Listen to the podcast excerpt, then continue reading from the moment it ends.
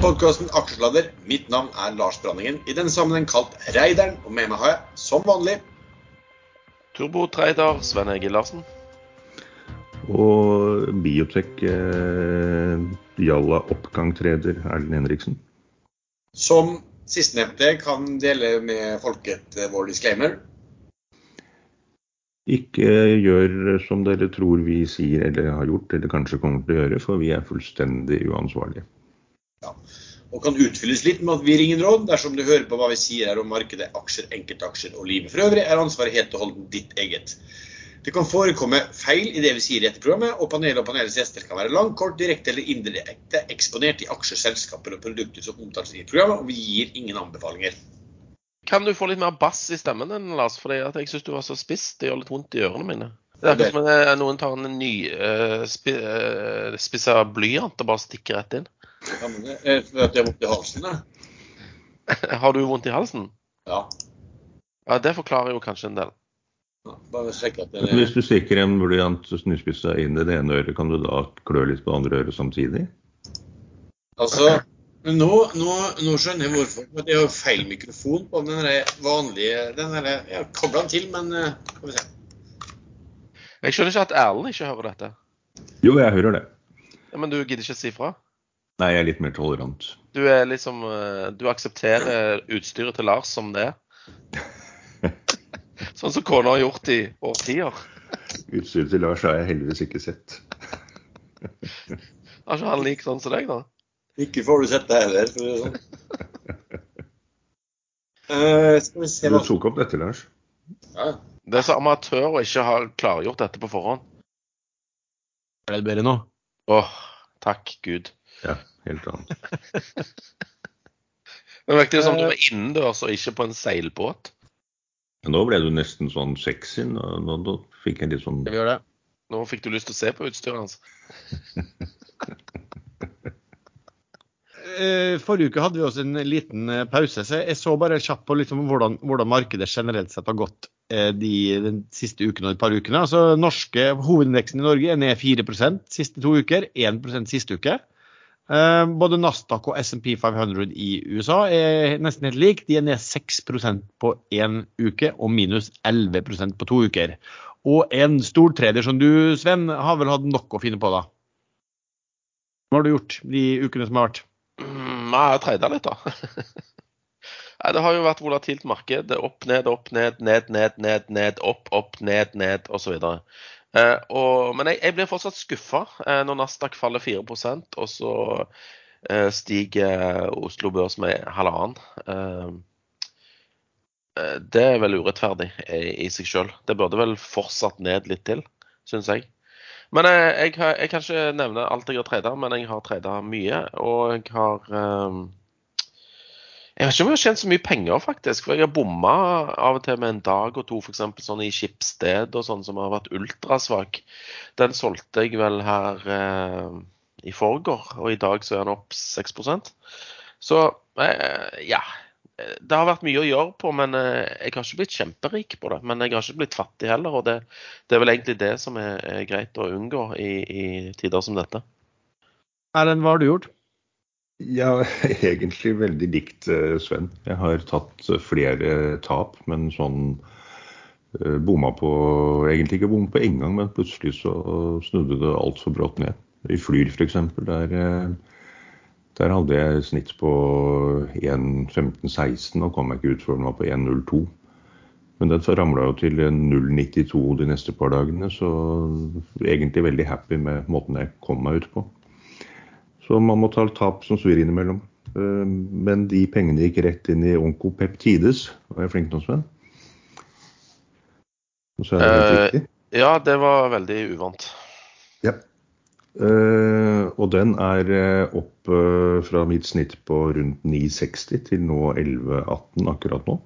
Så, og de har eh, De skal få eller ikke få EU-godkjenning for legemidler som de måtte selv valgte å trekke tilbake fra USA. Det skal avgjøres eh, 23.6, så det er vel neste torsdag eller fredag. Så om det da kommer melding etter børsslutt eller før børsåpning på fredag 24., det vet man ikke. Men dette er jo et veldig binært case, og det er veldig høy risiko. Uh, mye tyder på at ut fra samtaler og ut fra uttalelser fra CEO, så tyder det veldig mye på at, uh, at, dette går riktig vei. At de vil få EU-godkjenning, og da vil de sannsynligvis få USA-godkjenning tilbake. Den er vel aldri trukket tilbake. Det var Onkopeptide selv som stoppet salget. Så det kan bli litt sånn uh, positivt på positivt. Men hvis de mot formodning ikke får EU-godkjenning, så ser man tre kroner fort igjen i den aksjen. Har du gjort den. veldig mye i den, denne uken? Og uken før? Jeg kjøpte litt for Nei, jeg bare tenker på siden du bare fortsetter å jobbe med den. Å oh, ja.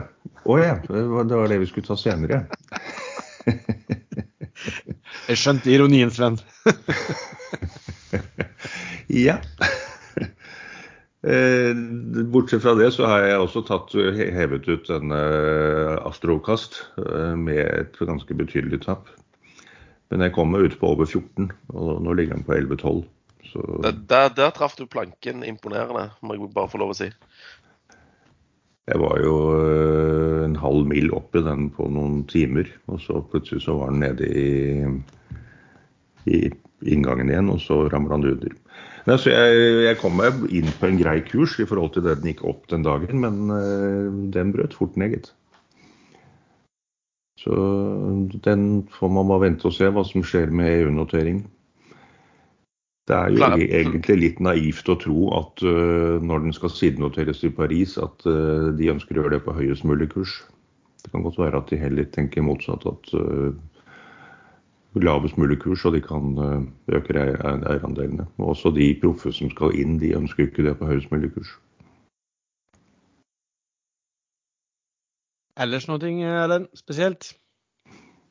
Nei, egentlig ikke. Er, eh, jeg er veldig, veldig forsiktig. Jeg tror ikke Det er vanskelig å kalle det krakk. Man er jo i bear market-området på alle indeksene i USA, vel, men det, det faller så jevnt og sakte 4% fall er jo ikke noe sånn voldsomt. Det er ikke 10-15-20 fall som man har sett før. Så jeg er litt redd for at dette bare kommer til å fortsette å gnage nedover med ikke nødvendigvis de store korreksjonene opp i en fortsatt nedgang. Så, og i, særlig i går så var det vel, da så man at alt begynte å falle. Da var det ikke mange aksjer som, som holdt seg. OK. Uh, ja, for min del så bærer det nok litt preg av at uh, Litt sånn preget av litt mislykka trading. Altså litt preget av at man skal på ferie, og litt preget av at noe man har sittet i en periode, har gått, uh, gått veldig fint. altså denne som vi har snakket om, som heter GEG, Green Energy Group, den fikk seg en skikkelig opptur. For den har jo ligget og svevd godt under, ja, under firetallet i hvert fall, og gikk jo opp i 4,80 og over det også, så der solgte jeg unna en god del av det. Uh, og har også vært og solgt meg ut av uh, Custer, men det var ikke så mye. Uh, så har jeg vært inne og trada Vår Energy, jeg har vært inne og trada Flyr og vært inne og trada Subsea 7. alle relativt mislykket. Um, heldigvis så har jeg i hvert fall vært flink og pælma ut uh, de ganske raskt, eh, sånn sett. Og så har da eh, denne Astrocast, som, eh, som, vi har snakket om, der har jeg også solgt meg ut av den med en veldig bra gevinst. Men den kunne jo blitt så mye bedre, for den var jo da oppe i over 20 på det meste også. Så er det langt opp på 20-tallet også. Men, men, det er klart, når, når skal, sånn som markedet begynte å se ut, da, og, den, og de da skal hente penger, så, og, og, og, man begynner å betegne det som svarte natta for de som trenger penger, akkurat sånn som markedet nå, så, så var det greit å, å, selges ut når man hadde en fin gevinst der. Jeg har også vært inn og ut av Avilco eh, LNG med sånn ca. Eh, et nullresultat. Også denne Petrolia som jeg snakket om en gang, den, den begynte jo å gå da, og gikk i løpet av perioden har den vært fra, var, lå rundt 5,5 og var oppe i opp i 9,5 for et par dager siden. Eh, og da, det var vel litt eh, ble vel litt hause litt, og også litt at folk eh, gikk, gikk, inn fordi at de antok at de snart skulle melde en spødd av en letebrønn som de eier 10% av. Eh, Så der ble det litt sånn selv og news, og den har vel kanskje vært litt pumpa litt rundt omkring også. Eh, Men der har jeg i hvert fall solgt meg en, en del ned når den gikk såpass høyt opp. Du må forklare for eh, våre lyttere fra Indre Østland hva spødd betyr. Spødd betyr at de starter en leteboring. Altså de begynner å bore, eh, og da melder de det i gang. Og det her er et sånt prosjekt, prospekt som heter Bounty, som da Petrolia, eh, eller rett og slett eh, datterselskapet Petroleum Noco, som de eier sånn ca. 50% av, de eier 10% av eh, den, den letebrønnen. Um, eller den lisensen da, som letebrønnen borer på, og, og, og de er vel carried, sånn som jeg forstår det, også på den eh, brønnen, som betyr at andre aktører tar regningen deres på det.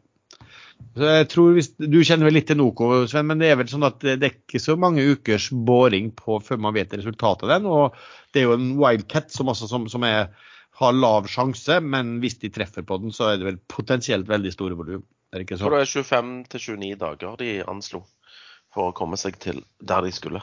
Ja. Men de sitter i veldig godt selskap der, da, for det var Conoco Philips jeg husker, husker riktig, som var operatør. og Eh, og det er jo Equinor er også inne på den, så, så det var jo bare... Ja, Equinor eh, Altså Noco farma ned til, til holdt på å si Statoil, eh, til Equinor for å få dekka kostnadene sine med brønnen. Ja. Men eh, sånn sett får, vi se hva Jeg tror ikke det er så mye av den som er er bakt inn i noen noe verdier på, på, på Petrolia. Eh, så jeg føler vel at det resultatet der bør være eh, oppsidemessig. Men eh, og, og som sagt, de sitter jo nesten litt, var litt, litt sånn forbløffende at de sitter der sammen med disse majorene rundt omkring, men eh, nå er det en liten andel. da. Ellers så kan jeg nevne um, Havyard, eh, som der solgte alle. Den jeg snakka om før, at den var billig fordi at de skulle jo gi en stor utdeling i form av havaksjer. Eh, Og, og resterende del skal gjøre, slå seg sammen med et annet selskap. Eh, Så den, eh, der ble, gikk aksjen X utbytte i form av havaksjer. Og hvis man kjøpte den Havyard dagen før, så tjente man veldig godt på å sitte godt utpå dagen etterpå på den. Så der er jeg ute av Havyard, men jeg eier da fortsatt Eller jeg vil jo da få havaksjer. Um, sånn sett. Et hav av aksjer. Ja, det er ikke så mye. Det er 0,4 aksjer cirka i hav per aksje jeg hadde i uh, Hagar. da. Men havet opp 3,90 i dag. Da blir det jo Hvis den kursen holder seg eller fortsetter opp, så blir det en veldig god deal for det. Men, men den du skulle hatt, det var denne Havila Shipping. Den har jo gått helt veggimellom. Ja, Det er bare en tulleoppgang, er det ikke det? Jo, jo. Men uh, oppgang er oppgang. Det vet man ikke. Altså, supply og kjempegiring og sånn. eh, Vi skal ikke ta for gitt hva, hva, hva som blir tull oppgang der. Ikke sant? For plutselig så er de in the money på det som vi har kalt en opsjon eh, hele veien. Ja, det er sant. Men jeg, jeg, du må jeg, kjøre sånn kassaapparatlyd for meg. Eh, Nå ble det akkurat satt ny high of day i Onkopeptides. ja, jeg, følger ikke, jeg følger ikke med på den. Også pluss at nå når jeg har fått det der nye utstyret mitt, så, så får jeg plingingen på øret, og ikke liksom eh, fra eh, høyttalere foran meg her. Men jeg, jeg glemte å snakke om denne House of Cards, som jeg snakket varmt om for to uker siden. Eller jeg trodde kanskje han ble kjøpt opp. Der solgte jeg på litt over åtte, og så har jeg fulgt på igjen under syv. Så da får jeg to runder i den òg. Så da regner vi med at den blir kjøpt opp på mandag. Ja, du har jo brukt å truffe bra på disse her, da. Ja, Ting tar så ofte litt lengre tid enn det mange tror. Ja, det gjorde ikke det på de forrige, da. Nei, nei.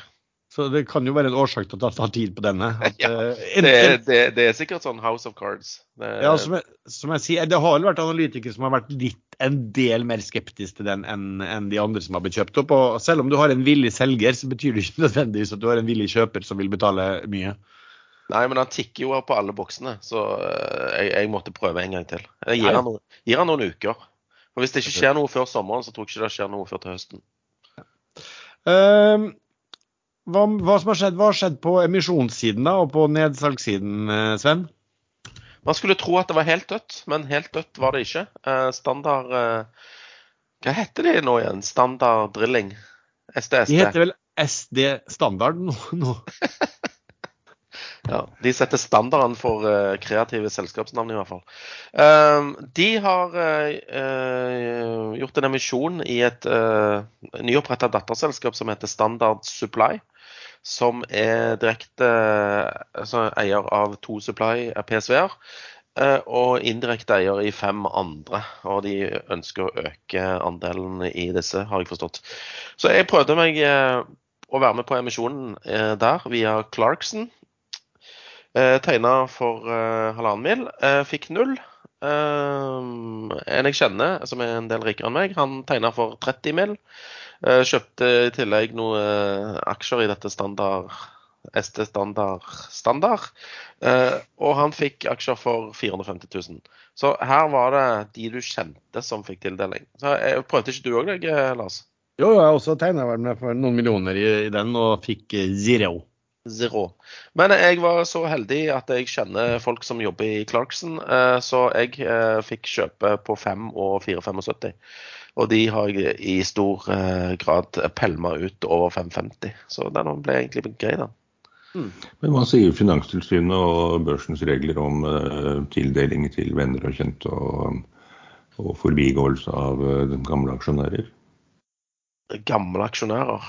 Eksisterende aksjonærer. Nei, det var jo ingen eksisterende. Det er jo et nytt selskap.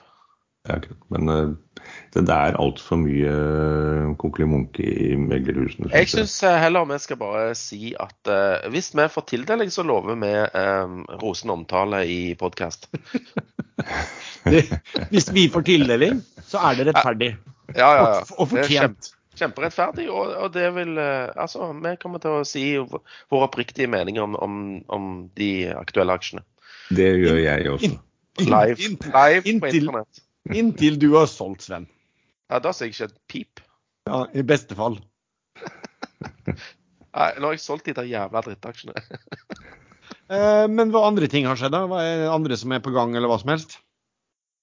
Det eneste jeg husker. Så jeg tror ikke det var noen flere. Var det noen flere? Ja, Var det noe nedsalg? Det har vært eh, Interoil kommer jo og skal gjøre emisjon. Ja, ja, men det er sånn tegningsrettsemisjon som varer herfra til påske. OK, det er tegningsrett. Det hadde ikke jeg fått med meg, men, eh, men 1,30, 1,30, og det pleier jo å bli suksess hver gang. Eh, og så faller kursen under emisjonskursen, og så må de gjøre om på, på vilkårene. Så jeg ser ser for meg én blank eh, blir eh, det de klarer å hente penger. Ja, men vet du når hvor lenge den eh, emisjonen løper, eller? Eh, jeg leste det her i går, men jeg kan prøve å finne det ut. Jeg fikk forresten en mail fra uh, Interoil òg i går, at jeg kunne få bli med på en presentasjon, men uh, seating var liksom begrensa. Mm. Så eh, jeg, jeg har jo vært med på en sånn tidligere, så nå skal de prøve å lure meg en gang til. En annen som kommer også, eh, det er Sparebanken Sør. De kommer til å Den, den syns jeg ikke vi skal snakke så høyt om, for der har jeg tenkt å, å kjøpe en del.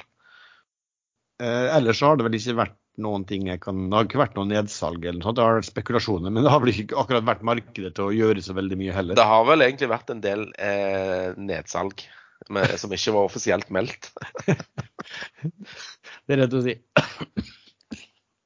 OK. eh, men la oss snakke litt da om markedet. Altså, Folk spør liksom, hva, hva er det som skjer i markedet? Hva, Sven, hva, hva er liksom dine tanker om, om hvor er vi, og hvor står vi, og hvor skal vi?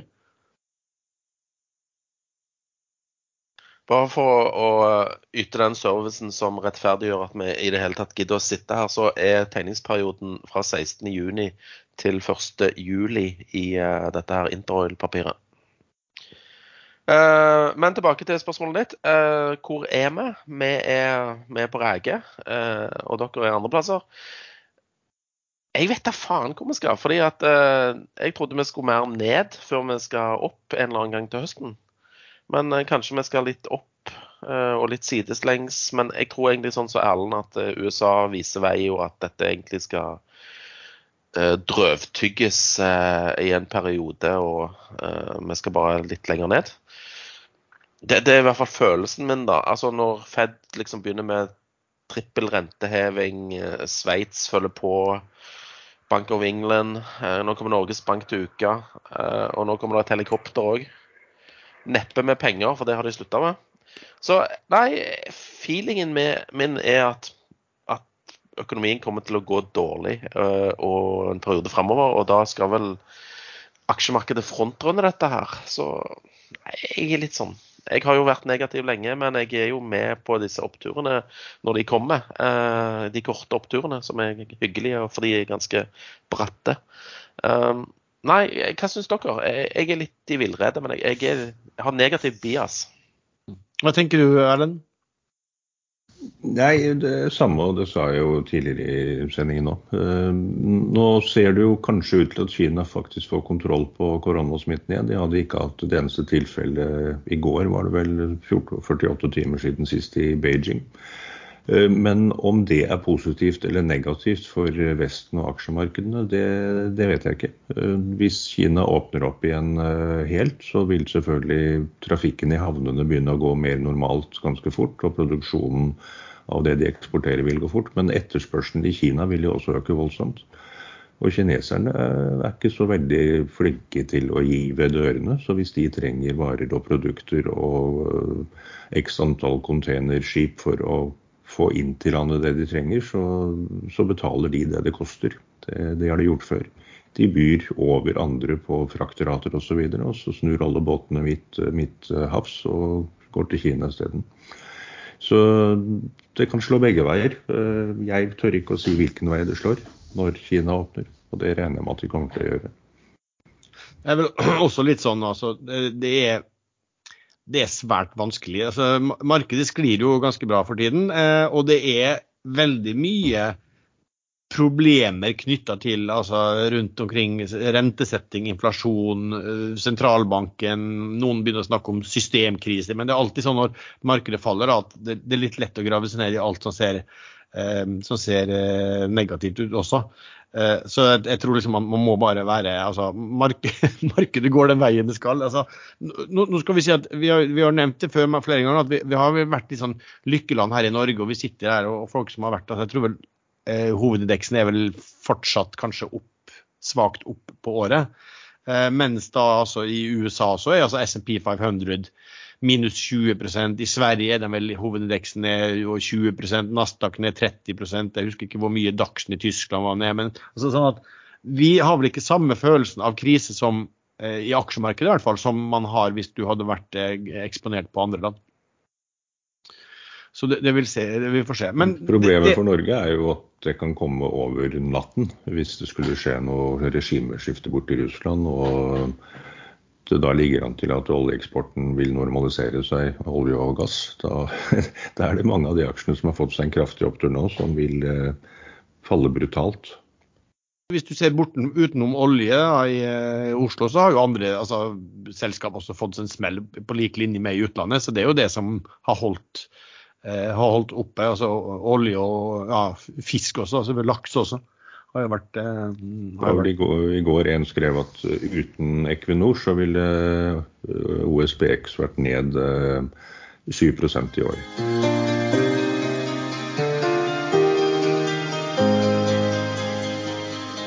Og så over til vår hovedsponsor Skilling, som er en skandinavisk eid CFD-megler. Skilling tilbyr lynrask handel i norske og globale aksjer, indekser og ETF-er olje og andre råvarer, valuta og mer enn 50 forskjellige kryptovaluta. Skilling har en rekke forskjellige handelsplattformer og trading-apper. Skilling-trader, Metatrader 4 og C-trader. Du åpner konto med bank-ID, og alt kan handles med eller uten giring, long eller short, til meget lave kostnader. Skilling har nylig nærmest fullstendig fjernet spreads på kryptovaluta, samtidig som de nå også tilbyr kryptohandel uten giring. Spredd på bitcoin er eksempelvis bare en halv dollar, og enda lavere på de andre 50 pluss kryptovalutaene som Skilling tilbyr. Med i praksis ikke-eksisterende spredder og en kryptokurtasje fra bare 0,1% er Skilling nå sannsynligvis den desidert billigste kryptomegleren på markedet. Dette blir spesielt merkbart sammenlignet med tradisjonelle kryptobørser med til dels store vekslingskostnader. Bruker du Skilling til å trede CFD krypto uten giring, betaler du heller ikke renter. Som sagt, Skilling tilbyr kurtasjefri handel i nærmest alt av finansielle instrumenter til veldig konkurransedyktige priser. Skilling har kundeservice på norsk og industriens laveste kostnader på kryptohandel. Sjekk ut skilling.no om du ikke allerede har gjort det, og åpne skilling-konto med bank-ID. Risikoadvarsel. 66% av ikke-profesjonelle kunder taper. Fullstendig advarsel på skilling.no, og kryptotrading er ikke tillatt for britiske kunder. Og lenken til Skilling finner du i beskrivelsen til denne episoden. Ok, men eh, det vi får da mye spørsmål på, som mange lurer på, det jo Det blir jo mye makrosnakk, tenker jeg. Fordi at uh, La oss starte med USA, da. Hva, Sven, hva er det nå uh, amerikanske sentralbanken har funnet på? De satte opp styringsrenten sin med 75 basispunkter uh, etter møtet på onsdag.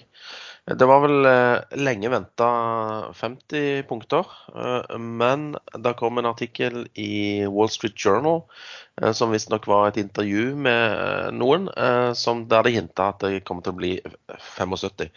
Og det var pga. det siste inflasjonstallet, altså CPI-tallene, som kom en uke eller to før, som var høyere enn venta. Så de har satt opp renten. Sveits har satt opp renten og eh, verdens eh, nasjonal... Eh, nei, nasjonalbanker. Eh, hva, heter de der? Sentralbanker. Kommer nok til å sette opp renten rundt forbi, bortsett fra i Japan. Der eh, har de lovet at de aldri skal gjøre noe sånt dumt. I Sveits er den fremdeles negativ. Ja, ja. Eh, fra, de satte opp renten fra minus 0,75 til minus 0,25. Så de er rimelig gniene med innskuddsrentene der borte. Men det, jo, det, det betyr jo også at da, da, er de ekspansive. Ikke sant? At eh, I Sveits så jeg så at det var vel eh, arbeidsledigheten var 2% og inflasjonen 3% og så har de minusrente. Det betyr egentlig at de kaster full, full eh, det, det, er jo å gi full gass, da, for det er jo realrente du må se på. Den er jo da negativ så det holder. Men eh, altså, nå, nå, har jo da vært spørsmålet hva Fed vil gjøre. Og, og den dagen det, det, var jo veldig spesielt da den dagen de økte med 0,75% for børsen gikk jo voldsomt opp på onsdag. Ja, men det, det tror jeg ene og alene er fordi uh, at de ikke kom med noe altså, revolusjonerende nytt. Det var vel gammelt nytt de kom med, og 075 var vel det som egentlig de fleste hadde vent seg til ville komme. Så at de ikke avviker fra det de har hinta, det tror jeg eh, blir oppfatta positivt. Men dagen etterpå så gikk de jo rett i dass, da, for da har jo folk fått tenkt seg om at oi, ja, de satte jo opp renten 0,75, det kan være at de setter opp 0,75 neste gang òg, og vi skal opp til 3,8% ved slutten av året. Eh, gående, eh, nedadgående til 3,4 ved slutten av eh, neste år. Og ikke noen rentesenkninger egentlig da før seint i 23 tidligst. Mm. For her er det jo, er det jo litt interessant. da. De har jo snakket om transitory. og I mars begynte de å bli klar over at det her var mer, satt mer fast enn inflasjonen. Men altså, eh, de som sitter da i den eh, komiteen som beslutter renter, de, de bruker også å indikere hva de mener renten vil ligge på på slutten av året. Og det er noen ting som de offentliggjør. Og det som viste seg nå, var at Tre måneder senere så altså, eh, in, altså mm, renten de antar på slutten av 2022 er 80% ikke 80 prosentpoeng, men 80% høyere enn hva de trodde i, eh, i, eh, i mars. Altså nesten en dobling da, av renten eh, i forhold til hva man trodde. Og det må jo være det beste tegnet på at de har bommet så det suser etter. Jo, det kanskje... det er, men, men det gjør noe. Det, jeg syns ikke utviklingen på børsen gjenspeiler at Fed har soset det helt bort. Det, det er kontrollert fall, og det kan være veldig positivt. Det er ikke en stor krise. Si, Si det som de som har kjøpt teknologiselskap på Nasdaq, så jeg tror ikke jeg de er like men uh, de burde kanskje hatt uh, et par uh, alarmklokker på kursfall etter, etter den voldsomme stigningen. Det, det var jo ikke noe fundamentalt gode grunner for mye av kursene i de selskapene. Husker dere de medlemmene av Fed eh, som eh, ble tatt med buksene nede, som hadde kjøpt aksjer? Eh, de ble jo, eller de fikk jo i teorien fyken og måtte selge aksjene. De fikk selge på topp, de.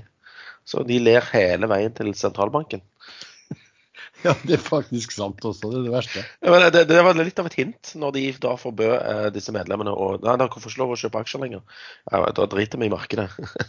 Men, det- men, men det kom jo, altså det kom jo knallhøye inflasjonstall da, fra USA, hvor nå folk tenkte at OK, nå nådde vi toppen i forrige måned, og nå bør vi se verste fall flatt, og, og beste fall at det begynner å falle litt tilbake igjen, veksten. Men så økte det jo enda mer. Um, det gikk vel fra, fra 8,3 til 8,9% var det det var oppe i inflasjon? 8,6, hvis jeg ikke husker feil. Ja. Fra 8,3. Ja. Men Erlend, du har litt sånn annen take på hva de bør gjøre på rentesiden.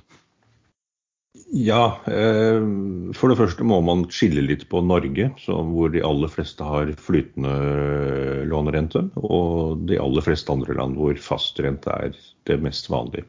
Så i USA og resten av Europa og stort sett resten av verden, så blir ikke de som har gjeld i eiendom og andre ting, de blir ikke truffet så hardt som man vil bli i Norge.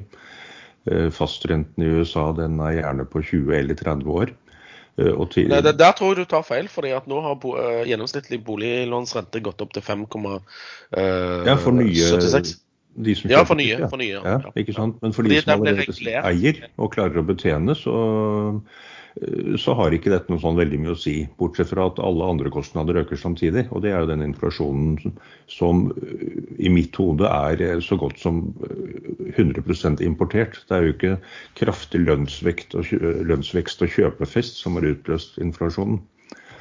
Og da mener jeg at ved å sette opp renten, så kan man rett og slett forsterke eh, krisen fremover. Eh, Nå er jo selvfølgelig tilnærmet nullrente som vi har hatt i Norge. Det er vel 0,75% Norges Bank-renten ligger på nå. Det, det er jo ikke holdbart i lengden, skal ikke være sånn. Men å sette opp renten akkurat nå, når bensinpriser, eh, diesel, strøm, eh, mat, eh, alt annet går rett til værs, det tror jeg kan eh, bli å kaste hydrogen på, på bålet. Det, det kan bli ordentlig. Men hvis sentralbanksjef eh, Ida eh, hører på dette programmet, noe jeg tror hun gjør, så eh, ber jeg hun se bort fra dine kommentarer. Her skal rentene opp.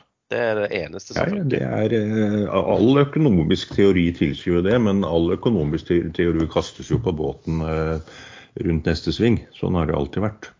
Så dette er jo en helt ny situasjon. Jeg kan ikke, eh, Med min eh, dårlige hukommelse, men lange livserfaring, kan jeg ikke huske en eneste gang hvor det har vært inflasjon forårsaket av de samme tingene som nå. Jo, men der er vi ikke helt enige. For hvis vi ser på inflasjonstall fra USA, så, så har de jo også eh, kategorier hvor de måler inflasjonen utenom energi og utenom matvarer. Og det er også høyt. Og det er også eh, stigende. La oss si servicenæringen, da.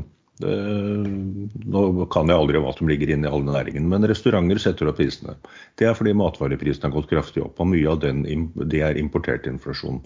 Eh, Strømprisene har gått kraftig opp, og drivstoffprisene har gått kraftig opp. Så all frakten av varer eh, til alle butikker og utsalgssteder har gått opp, eh, både, både nasjonalt og internasjonalt. Så dette er også importert inflasjon i servicenæringene.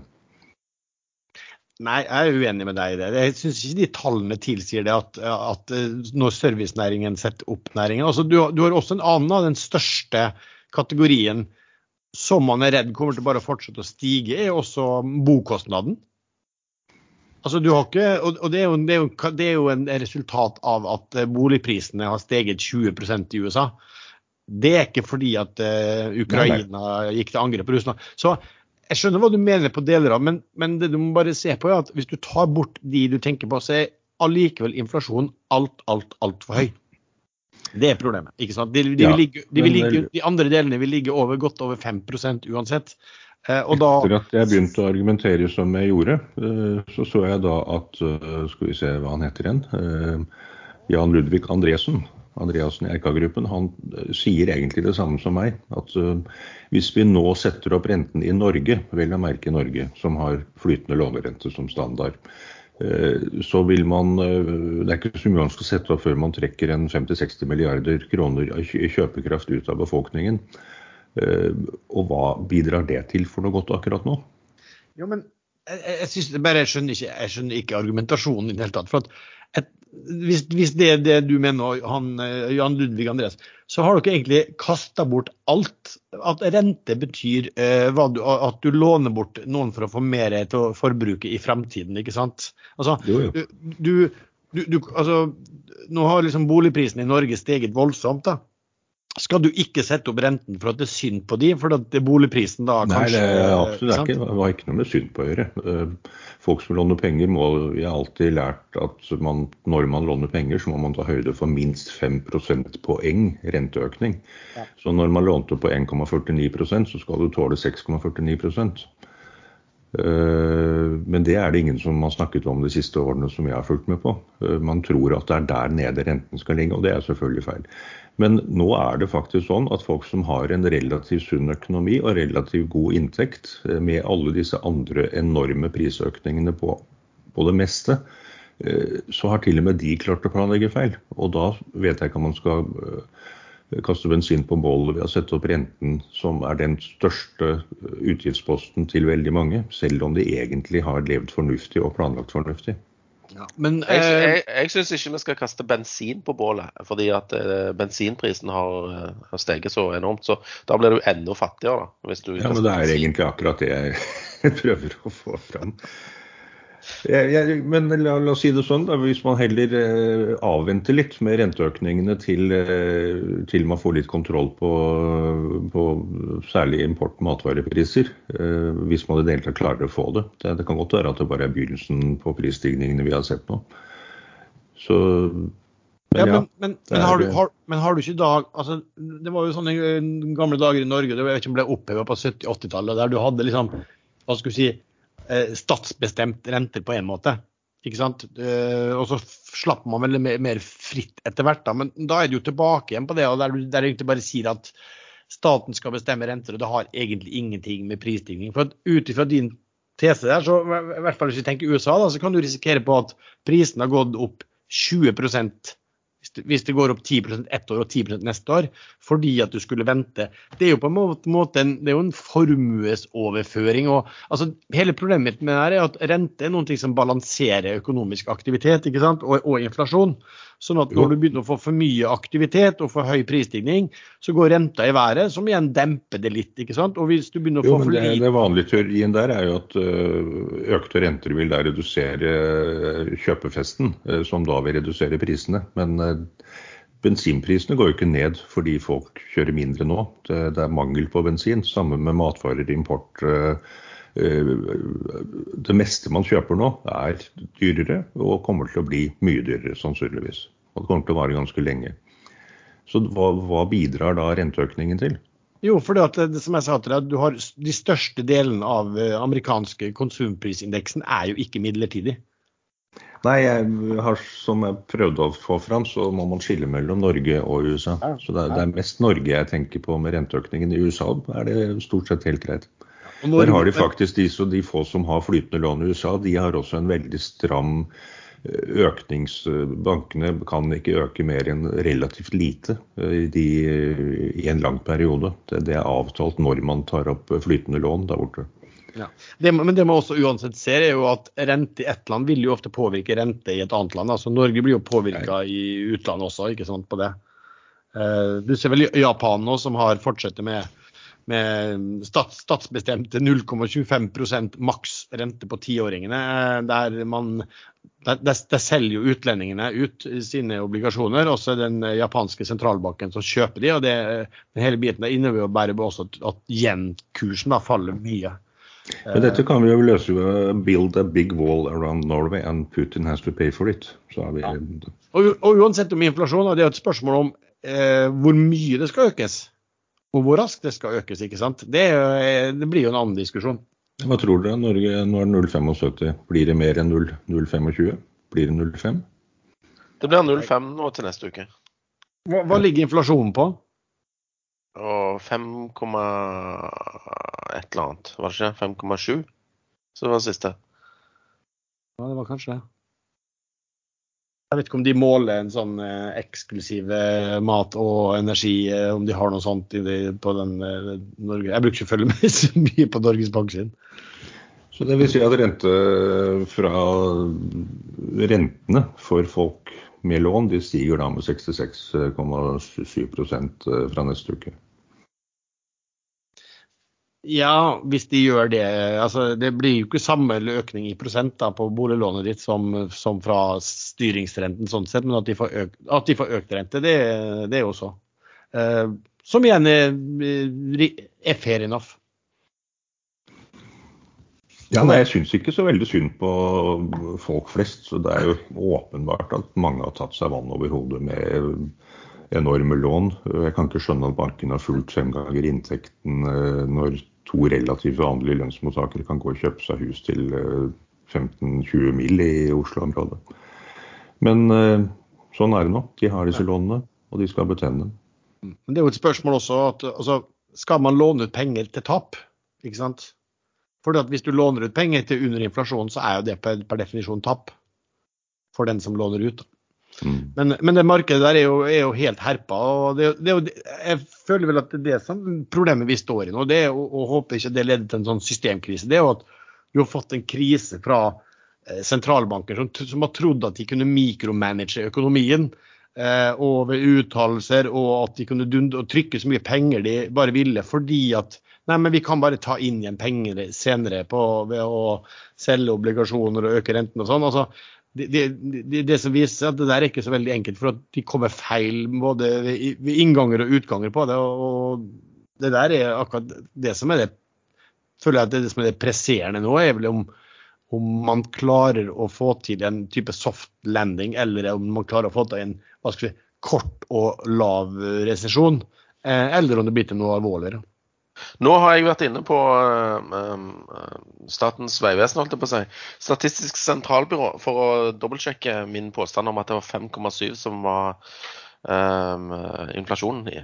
Og det stemte. Det var 5,7.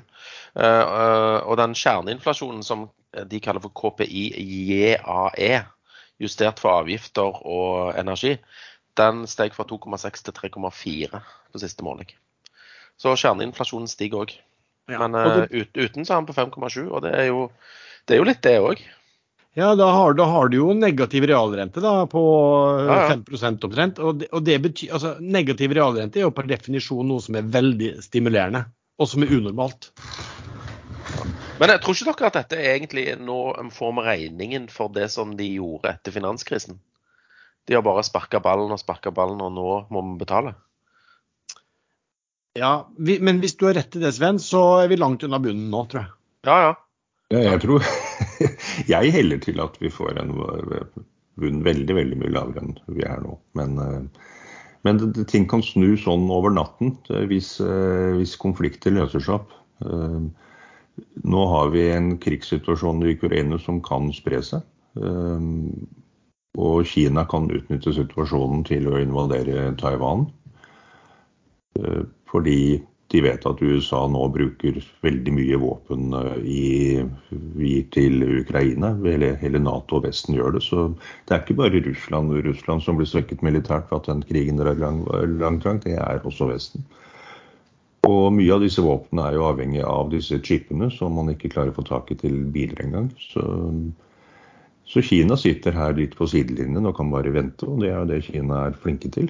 De venter og venter og venter til de slår til.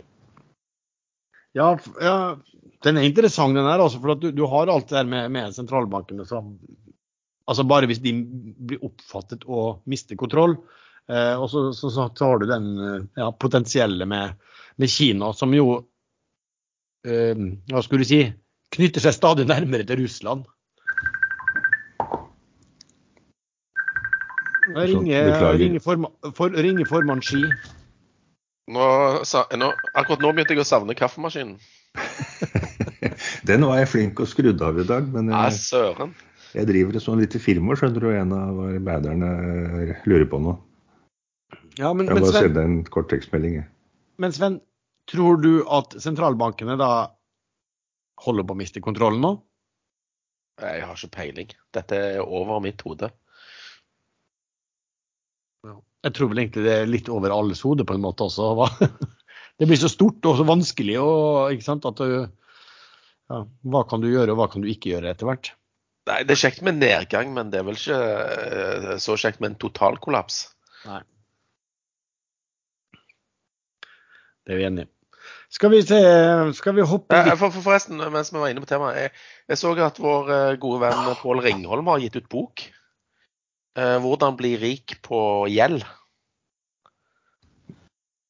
Så Det er sånn det som han og Tollefsen. ja, det vet jeg ikke. Jeg, jeg tror det er at du, hvordan du skal tjene på obligasjoner og, og sånne ting. Så det kan jo bli en fin julegave hvis, til eh, onkel og tante hvis eh, rentene fortsetter opp. Men altså når du nevner da Tollefsen, eh, som er jo han styrtrik styrtrike som eier eiendommer i Norge og Sverige og på kontinentet og alt det her, som det har vært liksom skriverier om, han og, Mm. og store svenske selskap, så jeg vet jeg vi har fått spørsmål på det også. Liksom, hva, hva, hva, hva skjer nå med de som har mye lån, og som har tjent veldig på det når, eh, når man har hatt sånne voldsomme negative realrenter og, og, og, snille sentralbanker? Hva, hva, liksom, hva sånn, skje? ta tallene da. Han har 253 milliarder kroner i gjeld. Eh, vet dere hva det norske forsvarsbudsjettet er, budsjettet er på? Jeg vet det. Det sjekket jeg opp i går. Hva tror Ja. du? Nei, ikke peiling. 69 milliarder kroner. Så han har nesten fire ganger mer gjeld enn det norske forsvarsbudsjettet er på. Eh, Og dette er i eiendom, og det er jo sånn vanligvis en sånn 2-3% affære hvor man tjener det i året. Eh, Og han har jo sikkert giret lånene sine, så om han har mer eller mindre enn 100% belåning, det aner jeg ikke noe om. Men eh, han har vel sikkert minimum 80% Så det er ikke mye eiendomsprisen skal falle, med, falle før eh, han sliter. Men sånne som Tollefsen vil aldri gå konkurs, av den enkle grunn at de har for mye gjeld. det er ikke tull Dypt engang. Ja. Vi har fått spørsmål eh, her om eh, oppkjøp. Altså, to, eh, I to tilfeller her så er det hvorfor ligger kursene på Mercell Holding og Ørn Software så langt under den prisen som er budt? Er det liksom penger på gata? Sven? Ligger ikke Ørn over? Nei, kursen, eh, oppkjøpskursen i Ørn er 6,25. Uh, og aksjekursen ligger vel rundt 6, eh, sist jeg sjekka. Ja, så det er av den enkle grunn at det kan være at de ikke oppnår alle vilkårene som er satt for uh, overtagelsen. F.eks. minimum aksept på 90% og sånne ting. Så det er alltid en viss risiko for at ting ikke går som eh, planlagt. Derfor er som regel kursen under eh, oppkjøpskursen. I enkelte tilfeller så er faktisk aksjekursen over eh, budkursen. og da er det som oftest på forventning om at det kommer et høyere bud. Erlend, vi har en eh, ivrig lytter som skal bygge hus, skriver han, som har et spørsmål. Altså, han svarer jo om eh, eh, alle kostnader rundt bygging og oppføring av bolig, som også stiger. Eh, hva skal til for at prisen for å bygge bolig skal falle i fremtiden? Eh, er det kun inflasjon og økte boligpriser i fremtiden som kan redde de som bygger i dag, eller bør folk utsette nybygg i håp om lavere kostnader om ett til fem år? Jeg er selv utsatt nybygg av hytte. Jeg har kjøpt hyttetomt, men avventer byggingen. Og det gjør jeg selv om jeg er i bransjen og får uh, topp rabatter. Er- Jeg så en reklame fra, eller hørte vel en reklame fra Max på her om dagen. Det er uh, supertilbud på terrassebord. Kostet bare 24,90. Men for et uh, år eller to siden kostet det 11-12 kroner. Så det er, eh, det er mye dobling og 70 oppganger og hele, over hele materialspekteret, også inkludert betong. Så ja, men dette, det, om prisene faller igjen siden, det, det er det jo helt umulig å si. Og de kan jo doble seg herifra igjen. Det, hele, det er så mye disruption i verden, både i produksjon i gruver og transport og videreforedling og frakt eh, til Norge. Og frakt innen Norge. Og et lass med trevarer fra Moelven Bruk skal kjøres til forhandlere og ut til kundene. Og det er mye diesel som går med for å frakte alt dette her. Så det, det er ikke sikkert det lønner seg å avvente. Eh, Så hvis man må bygge og har råd til det, så er det egentlig bare å bygge nå. Men hvis man kan vente, så ville jeg gjort det. Eh, og så et spørsmål om tekstselskap. Hva, hva skjer med tekstselskap? Altså, hvor, hvor langt ned skal de, og hva skal man tenke om eh, teknologiselskap nå kontra hvordan man så på de tidligere? Sven? Nei, høyere rente øh, fører til at neddiskonteringen av fremtidige kontantstrømmer eh, blir lavere. Eh, sånn at eh, hvis du tjener penger og sånn, og har en akseptabel prising, så kommer nok de tech-aksjene type Apple, Microsoft og den gjengen der til å Ja, de kommer sikkert til å falle på vekstforventninger, men de kommer ikke til å gå konkurs, for å si det sånn. Og så har du disse tech-selskapene som ikke har inntekter i det hele tatt, og som får forvente inntekter om uh, en del år. De skal nok langt ned. Jeg så en sammenlignet med da dotcom-døden kom. Eh, da gikk jo også de selskapene som faktisk var gode, som overlevde etterpå, de gikk jo langt, langt ned under tilsvarende der vi ligger nå. Ja, ja. Men, det, det, altså, det er babyer og badevann, liksom. Eh, du kaster ut babyen med badevannet. Eh, det skjer hele tiden når det har disse voldsomme børsnedgangene. Det, det så vi under finanskrisen òg. Gode selskap blir prisa til en slikk og ingenting. Men det vi også ser, er vel at uh, altså, investorene nå uh, var for En ting en ting at um, altså prisingen, men også om, om, de må hente ny kapital. Så nå, nå vil folk se fra selskapene hvordan de faktisk skal tjene gode penger i framtiden. Altså, de vil ikke for, bli fortalt at vi skal øke uh, annual recurring revenues stiger 20% i år, og vi satser på at det skal gjøre det hvert år. Så lenge uh, det betyr at det bare er samtidig minus. Nå vil folk kanskje mer se at selskapene demonstrerer inntjeningsevne, evne til å faktisk tjene penger. Uh, og det syns jeg ser litt på selskapene også. Nå, nå, nå må de begynne å si opp folk også. Um, fordi de har jo ikke vekst heller. ikke sant? Det gjelder ikke det tech, da, men, men, en ting som er bare litt interessant å ta med Jeg har jo, har jo mast liksom veldig mye om disse her, EBITA-tall og, og, regnskapstall. Men det man skal huske på med renter generelt det er jo at når du ser på resultatet til et børsen til et selskap, så har de avskrivninger. Uh, men de, avskrivningene er jo basert på kapitalinvesteringer de har gjort historisk. Eh, men det som betyr, inflasjonen betyr jo at når de må reinvestere kjøpe, Når maskinen er brukt opp, for å si det sånn, og du må kjøpe en ny maskin, så er plutselig den maskinen blitt mye dyrere. Så, så det kan være verdt å ta på i, når du skal se på et regnskap. Jeg, jeg bruker jo ofte å bytte ut uh, i regnskap, så bare tar jeg bort avskrivningen, og så, jeg, så putter jeg heller inn Capex uh, nå i stedet. Um, en sånn EBIT-stjerne, som jeg bruker å kalle det, for å, for å se hvilken effekt uh, det har nå. Så er det et spørsmål om hvordan vi trader. bruker vi automatiske stopplås, automatisert trading, eller gjør vi alt manuelt? Sven?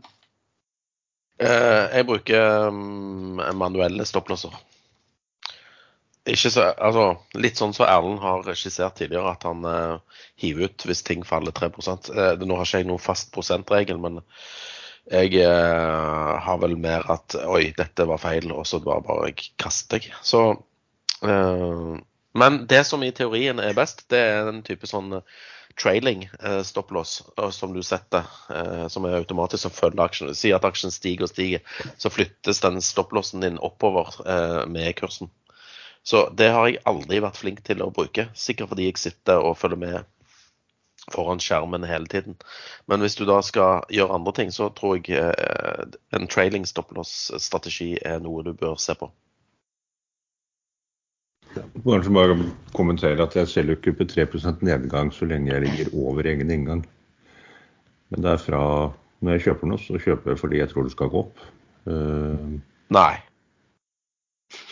Bortsett fra noen få ganger eh, hvor jeg eh, har lyst på en aksje som er på vei ned, og jeg mener at det er godt nok underliggende og det kommer ting relativt raskt som burde du dra aksjen opp. Da kan jeg godt uh, snitte ned, som man kaller det, som, som er fy-fy.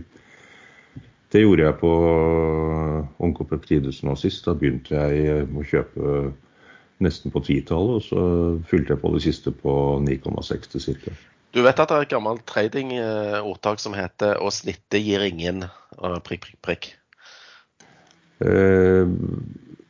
Den skjønte jeg ikke. Kan du utdype den? Nei, jeg tror jeg blir tause Birgitte. Men altså, å bruke stopplås er jo altså det, det disiplinerer deg jo sånn sett. Um, Jo, men det er jo farlig, da. eh, Farlig og farlig. Eh, Jeg tredet krypto en periode i desember 2017, og der var det bare å glemme stopplås, for det kom jo flash crash eh, flere ganger daglig, holdt jeg på å si. Ja, det der kryptogreiene, det har jo gått rett i dass. Eh, Jeg har ikke fulgt med i det hele tatt. Jeg bare ser at eh, eh, det oppfører seg jo som en eh, snøball i juli. Ja, Sånn har det egentlig alltid vært. Eh, De store, kjente oppgangene tidligere var jo først opp til 1240 dollar eller noe sånt nå, eh, på rundt 2012-13. Og da falt den rundt 85% helt ned til under 300, eh, før den gikk opp til over 20 000 dollar. Og derifra falt den eh, vel rundt 85% ned til 3200 dollar, og gikk opp til 64 000-65 000 dollar. Så skal den falle tilsvarende nå, så ligger det sånn rett i overkant av 10 000 dollar. Som, eh, hvor den kommer til å snu.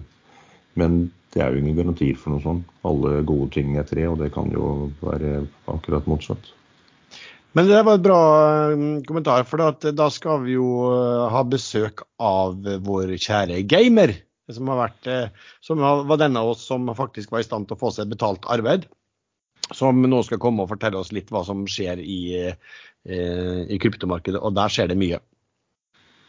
OK, eh, da tenkte vi vi skulle ha et lite krypto, kryptoinnslag. Og da må vi ha med oss en som vi ikke har hatt med på en god stund. Vi var jo fire, men en av oss viste seg faktisk være egnet til å få en toppjobb og bli ansatt.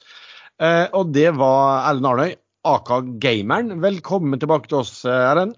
Eh, Takk, Lars. Eh, ja, jeg, eh, jeg fikk jo faktisk en jobb. Eh, jeg vet ikke helt hvorfor. Eh, om jeg fikk jobb pga. Eh, min opptreden i Aksjesladder eller på tross av. Men eh, jeg fikk iallfall en jobb, da. Og har, Det var vel fordi du prostituerte deg i noe Lars og Sven og jeg aldri ville gjort. Ja, det kan være. Det, altså, målet Så lenge man oppnår målet, så er alt lov, eller noe sånt. ting. Eh, men eh, vi skal jo snakke krypto, Lars. Eh, for det har jo vært litt, eh, litt, litt eh, action i det siste. Eh, for de som på en måte har fulgt med på krypto, så har jo krypto vært litt dalende en periode. Alle volum på alle børser og ek, sånn, eh, exchanges har vært fallende. Men så begynte det å spille her for en liten stund siden. Eh, Det begynte jo med Luna, eh, som på en måte jeg antar de fleste lytterne våre har fått med. Eh, Luna som en kryptovaluta, den krasja jo 99% Og så var det mange som kjøpte, fordi når noe har falt 99% kan det ikke falle mer. Men da lærte folk at selv om ting har falt 99% så kan det falle 99% til. Så Luna var jo på, måte på mange måter starten på den her hva skal vi kalle det, eskalerende faller på en del kryptoting. Eh, nummer to som falt, var jo den her Celsius. Eh, jeg vet ikke om dere har hørt om Celsius, men kort fortalt, de er et kryptoopplegg hvor du kan betale en krypto, og så får du renter. Omtrent som i en bank. Eh, Lars, hvor mye renter får du på sparepengene dine i, eh, eh, i, i banken din i dag? Cirka nada. ja, ca. 0,1 eh, Celsius de, de kan skryte med 18 eh, 18,63% renter er betalt ut mån, eh, ukentlig. Altså årlige renter. Eh, og Måten Celsius får til dette på, er at eh, de låner eh, kryptoen du putter inn hos de, låner de til andre prosjekter, eller investerer den i eh, ulike kryptoprosjekter. Eh, annet hadde Celsius investert masse i Luna, og Luna gikk jo i dass. Og så hadde de òg investert en del i noe som heter staked Ethereum. Som er ja, Jeg vet ikke om jeg klarer å forklare hva det er engang, men det er Ethereum som er låst og bla, bla, bla. Eh, som òg har falt veldig mye. Så det som skjedde med Celsius, da, er at eh, plutselig så skrudde de av eh, muligheten for uttak. Så hvis du er en av de 1,7 millioner tror de har, kunder som har penger stående hos de, så får ikke du de pengene ut. Eh, og veldig mye rykter sier at Celsius er tomme for penger. Eh, alle pengene deres er brent opp i ulike prosjekter som har gått i dass, og alt er tapt. Eh, Celsius har òg noe eh, bitcoin som de på en måte har lånt. Eh, og ja, eh, Celsius er sannsynligvis konk, så alt der er tapt.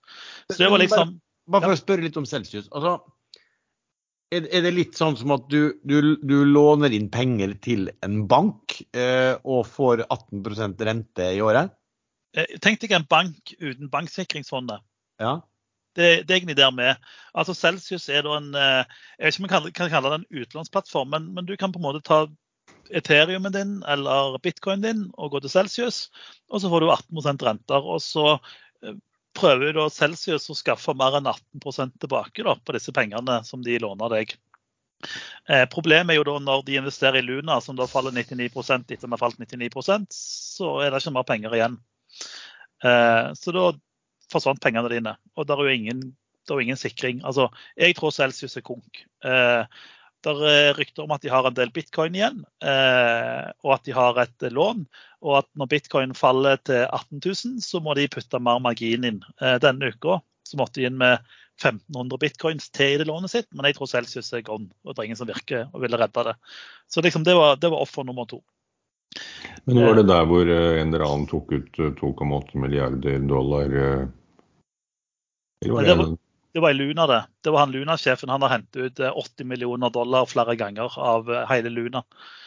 Eh, I Celsius så virker det ikke som det har vært noe sånn svindel, annet enn de har bare tapt pengene sine.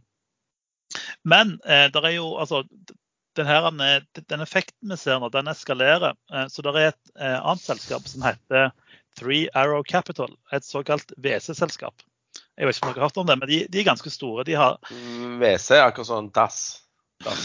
Eller eh, venture capital innenfor krypto. Eh, hvor store 3RO egentlig var, det er litt sånn diskutabelt. Men de fleste sier at de hadde mellom 10 og 18 milliarder dollar i midler. Eh, og De drev med mye forskjellig. De driver blant med marketmaking. altså På kryptobørser så vil du ha en marketmaker som sørger for volum.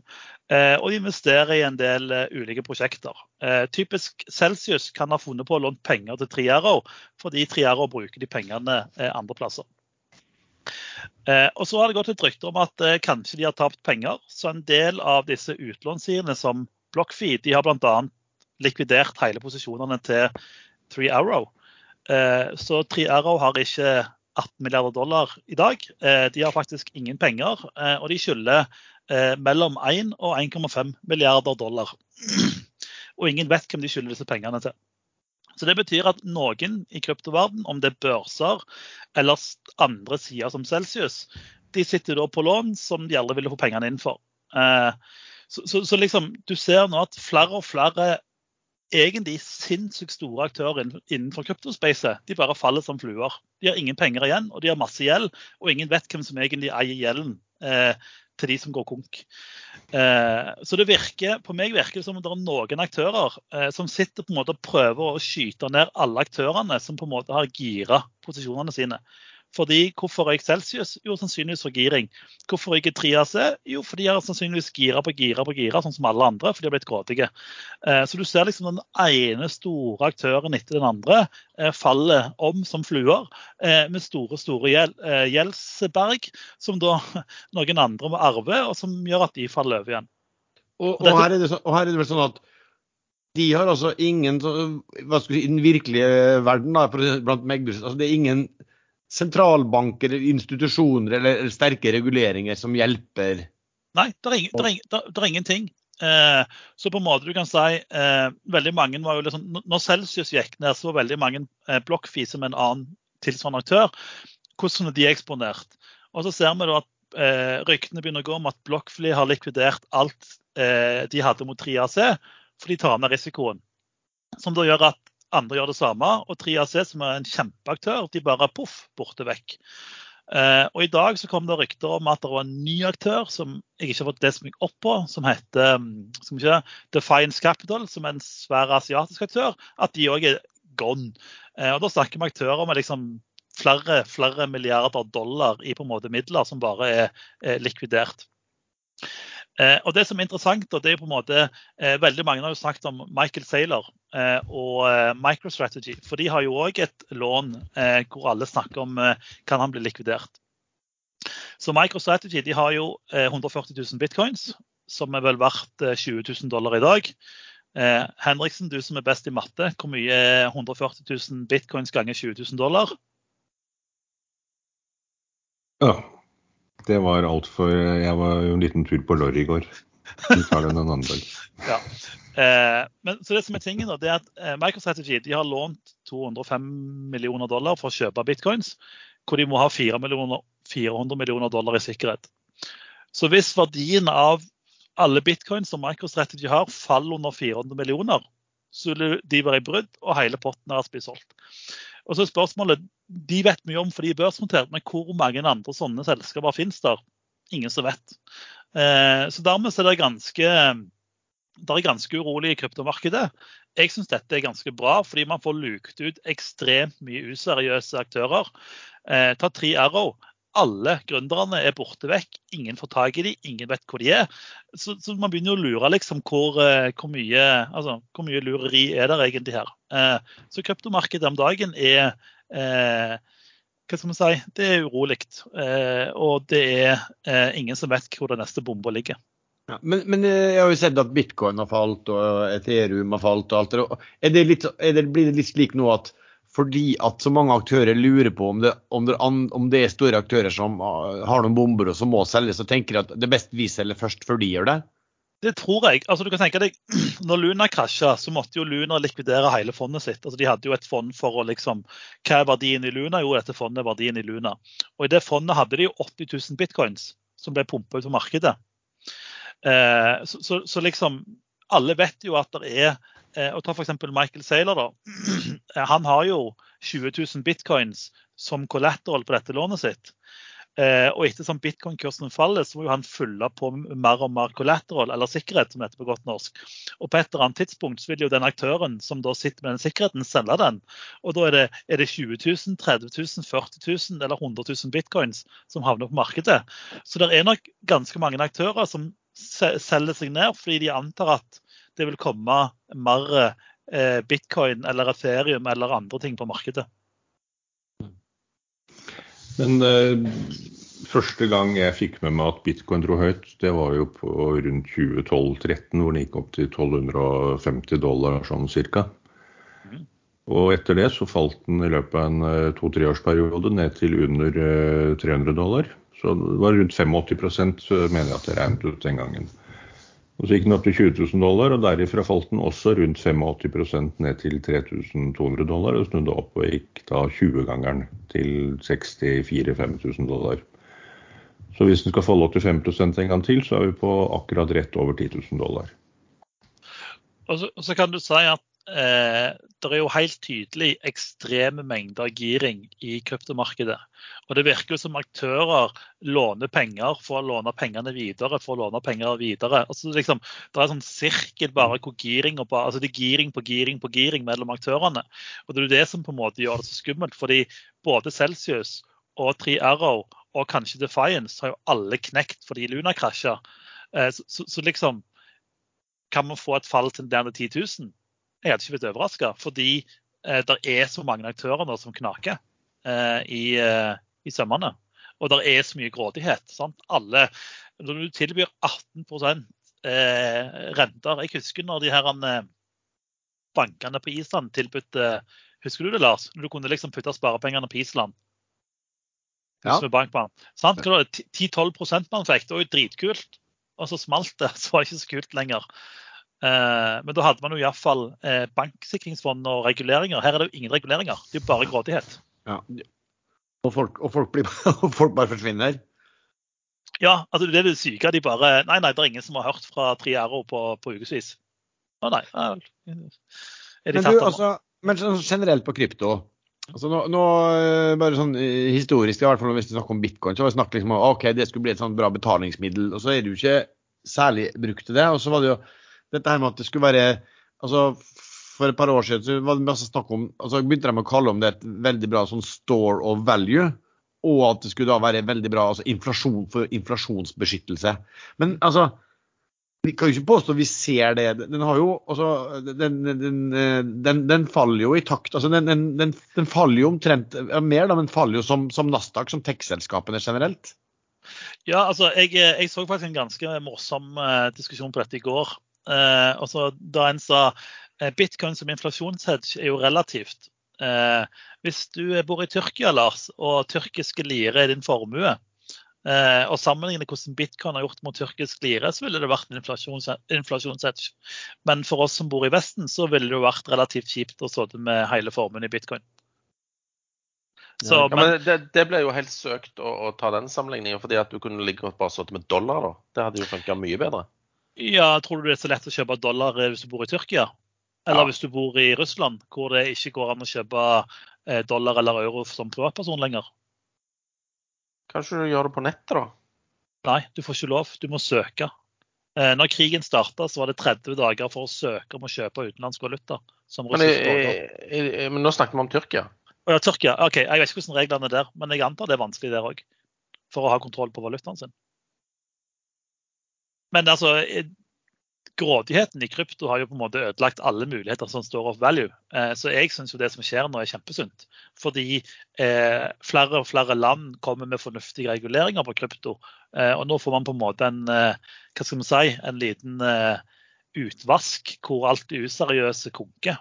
Det som er synd, er jo at veldig mange mennesker taper veldig mye penger fordi de har investert i ting som ikke er, eh, har livets rett av selskaper. Ja, men sånn som det der NFT-greien òg. Det, det er jo det største humbugget som har eh, blitt lagd.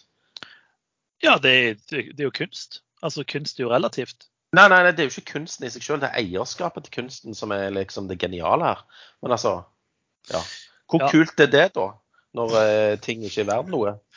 Nei, det, jeg vet ikke. Jeg, jeg, jeg, også, altså, jeg har egentlig aldri skjønt greia med NFT. Men eh, det Markedet er blitt grådig. Altså, du, du ser jo det. Altså, hvorfor ryker aktørene nå én etter én? Jo, for det er aktører som har gira på gira på gira. Hva er regel nummer én for overleve på børsen? Ikke gir på giring, i hvert fall. Sånn. Ikke kjøp penger du ikke kan tape. Eh, altså, når en aktør med 18 milliarder dollar i kapital bare forsvinner over natta eh, fordi det var giring på giring, sant? Det er grådighet all the way. Ja. Men hvordan Men altså, ja. Jeg tar den bare kjapt. jeg. Musk er jo nå saksøkt for 258 milliarder dollar. Dvs. Si det er Tesla og SpaceX vel som er eh, saksøkt, kanskje Musk også på privat. Og det er én eh, som heter Keith Johnson, som eh, påstår han har tapt 89 milliarder dollar fra topp, kurstoppen på over 5 dollar eh, for et år siden. Eh, og nå er den på 0,57 akkurat nå. Ja, på Dogecoin. Doge- Dogecoin, ja. ja. Den er ned 92 tror jeg. Den er 93 fra Altså hvis du eh, faktisk eh, eh, Det var vel han Robert Ness som la ut eh, Var det ikke han som la ut Eller var det iallfall noen som la ut en Dogecoin fra liksom Elon Musk var på Saturday Night Live til, til nå, ned 92 eller 93 Mm. Så han mener han har tapt eh, 89 milliarder dollar fra toppen, og så vil han ha tredoblet erstatningen. Så- Men der er vi jo inne på det med eh, enkeltkjøpere og store aktører som girer kjøpene voldsomt og gjør det i noe som de eh, i mitt hode selv burde vite at har en skyhøy risiko. Syns ikke synd på mannen i det hele tatt. Nei, altså jo, det er ikke regulert. Altså har, eh, har Musk gjort noe ulovlig? Krypto er ikke regulert. Altså, Det han eh, påstår er at uh, Musk hele tiden har visst at det ikke er noe verdi der, uh, og har promotert det via Twitter og uh, andre ting, og laget en sånn pyramide eh, scheme, scheme, eller hva det heter for noe. pyra- pyramidespill. Ja. Ja. Jeg, jeg så det søksmålet. Jeg eh, er litt sånn, Det høres ut som en lykkejeger eh, som håper å få et par hundre tusen for å trekke saken. Ja, jeg så det eh, innslaget med Elon Musk på Saturday Night Live, og han sier jo at det er bare tull, egentlig, i Ja. den uh, sketsjen. Så eh, nei, jeg, jeg tror det som skjer i krypto er, er, er sunt. Eh, men så tilbake, tilbake til har krypto noen verdi, da? Litt for å svare på mer, mer på spørsmålet ditt, Lars. Eh, nå vet man jo at eh, altså Det kan jo være at bitcoin kan funke som store of value. Spørsmålet bare er hva verdien på bitcoin er. Eh, den er iallfall ikke 40 000 dollar.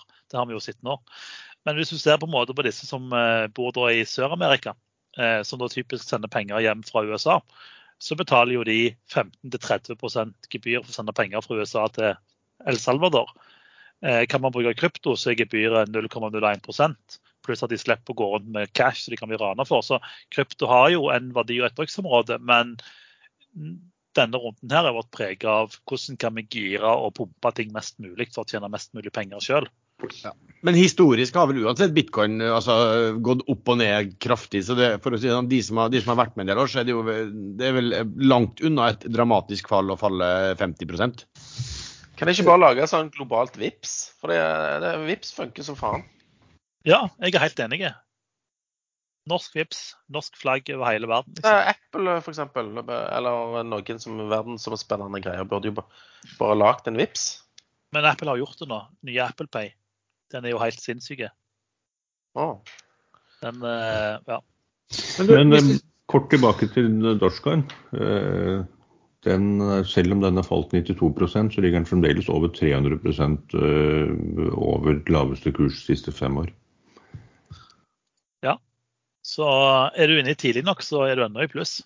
Problemet er jo alle som kommer inn på toppen.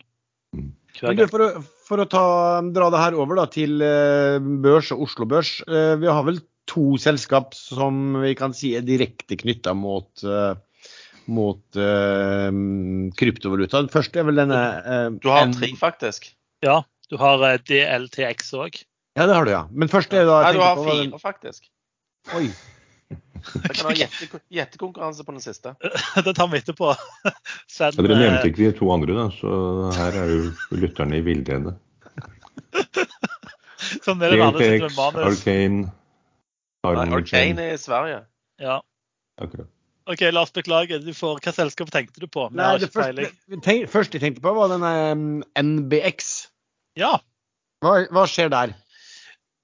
Nei, hva skjer igjen? Eh, for de som leste Finansavisen i går, eh, så var jo han Robert Ness ute og kommenterte, kommenterte NBX. Eh, jeg må bare si Finansavisen har verdens dårligste løsning for å kjøpe abonnement. Jeg kjøpte abonnement i går for å lese den artikkelen.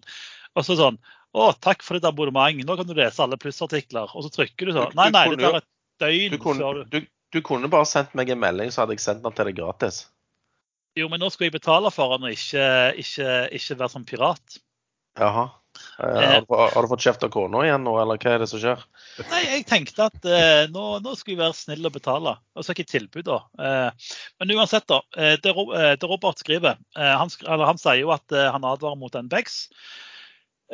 fordi han mener de har dårlig Eller han stiller spørsmålstegn ved den finansielle soliditeten. og så sier finansdirektøren Torstein Tinn at nei, nei, vi har eh, god kontroll og alt er eh, i orden. Eh, altså I utgangspunktet, det å drive en børs, iallfall i Norge eller i Europa, eh, er ganske trygt for kundene, altså kryptobørs. Så lenge du kun driver en kryptobørs som kun driver eh, handel, eh, og ikke driver med utlån eller andre ting, så er det veldig liten risiko for kundene, selv om børsselskapet taper penger på driften. Altså MBX taper jo penger på driften, iallfall de regnskapene var sitt. Eh, det som er problemet med MBX, da, som faktisk Robert bommer på, for han skriver at det er ikke noe finansiell risiko, men MBX er sin egen marketmaker, så det er en finansiell risiko. Eh, men eh, det er liksom de, ja, de taper penger, og så stiller han spørsmål med er det, er det lurt å ha kryptoen sin der hvis selskapet bak taper så mye penger. Det var vel det som skjedde hos MBX, tror jeg. Eller var det noe masse spørsmål, Lars? Nei, det var greit på den. Og så har det vært eh, mye rundt det Harmony Chain. vi har snakket om. De kommer med tre børsmeldinger i løpet av seks dager, som stort sett var motstridende til hverandre alle sammen. Ja, kanskje noen kommenterer børsmeldingene, så kan jeg kommentere hva jeg syns om chipen deres sitter på. Ja, men det er ikke chipen det har dreid seg om, de børsmeldingene. At uh, først så, så sleit Først så så det bra ut, og så uh, sleit de, og så skulle du prøve på noe nytt. Jeg, altså, det, det, er ikke, jeg er ikke i stand til å, egentlig, formidle hva, hva, det er for noe. Kanskje de bare skylder på denne chip shortagen som alle andre skylder på? Jo, men de har ikke kommet så langt ennå. Eh, altså det, det, som er tingen da, eh, Jeg har jo vært noe kritisk til Harmony Chain fra dag én. Og jeg har fått veldig mye hat fra en del aksjonærer der, men jeg har jo dessverre hatt rett hele tida. Eh, Harmony Chain eh, sier jo da at de har fått lagd en eh, chip eh, som skal revolusjonere dette ASIC, altså eh, markedet for kryptomining på enkelte kryptovalutaer.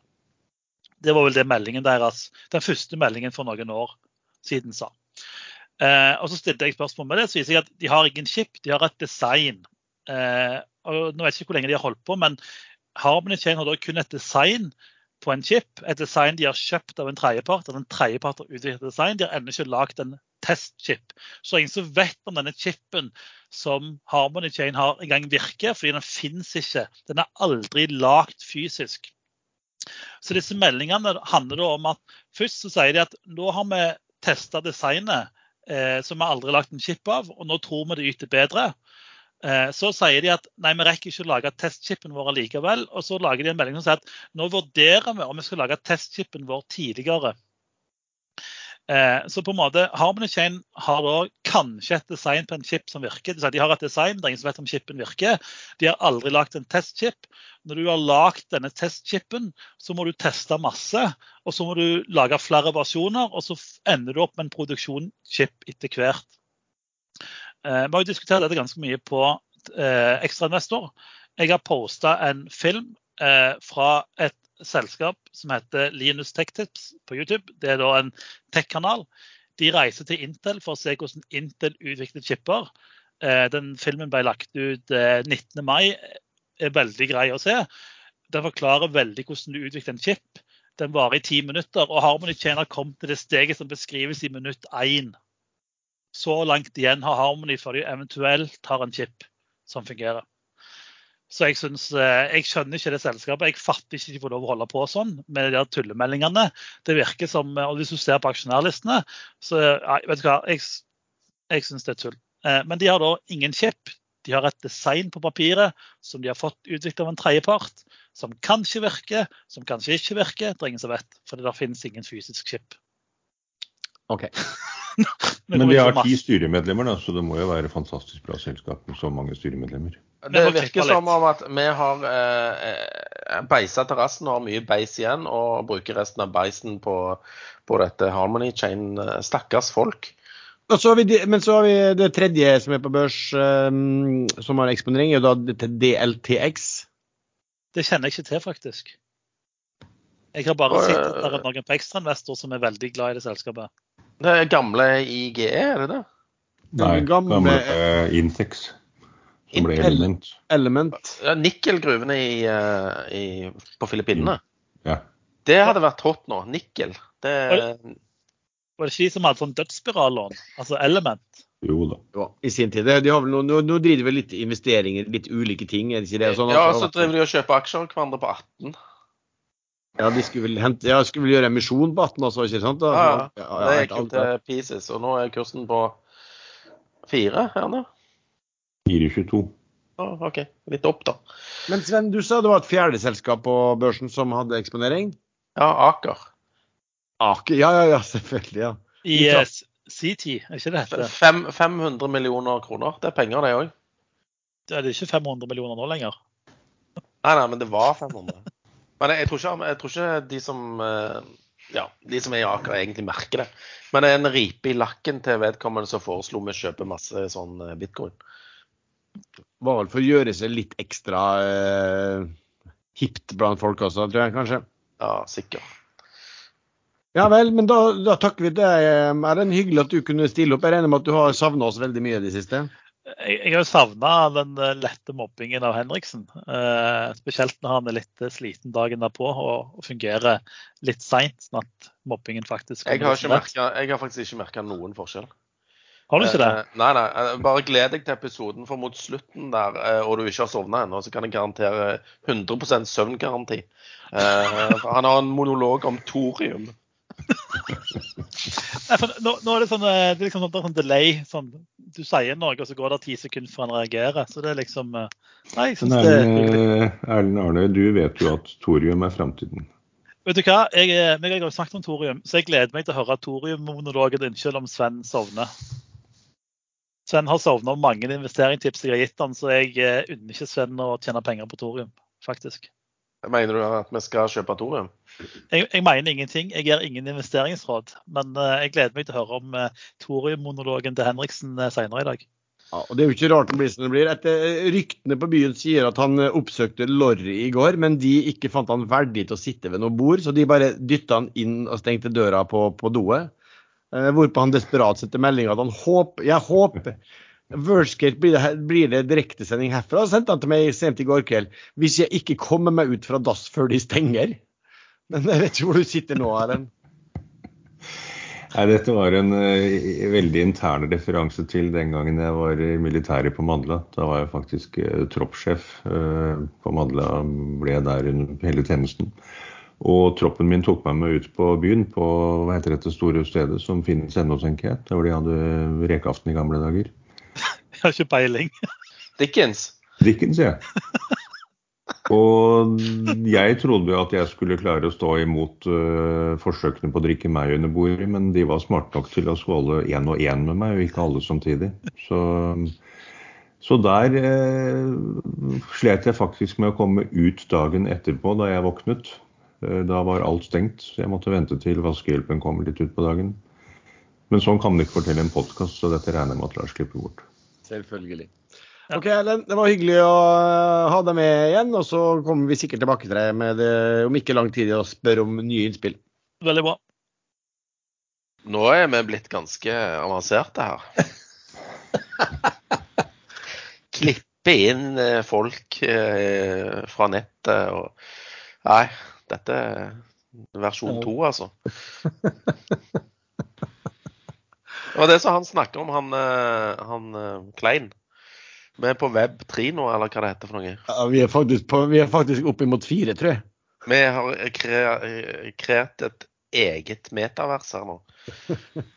Det, du, et spørsmål da. Nå var jo både, Jeg vet at du hadde vært inne i den, Sven, og jeg var også inne i den. Det var i Subsea 7. Det var et spørsmål. Eh, var kursfallet der en overreaksjon? Jeg mente jo det, så jeg kjøpte jo på vei ned og bare kjøpte og kjøpte, og så måtte jeg selge fordi at han eh, bare fortsetter å falle.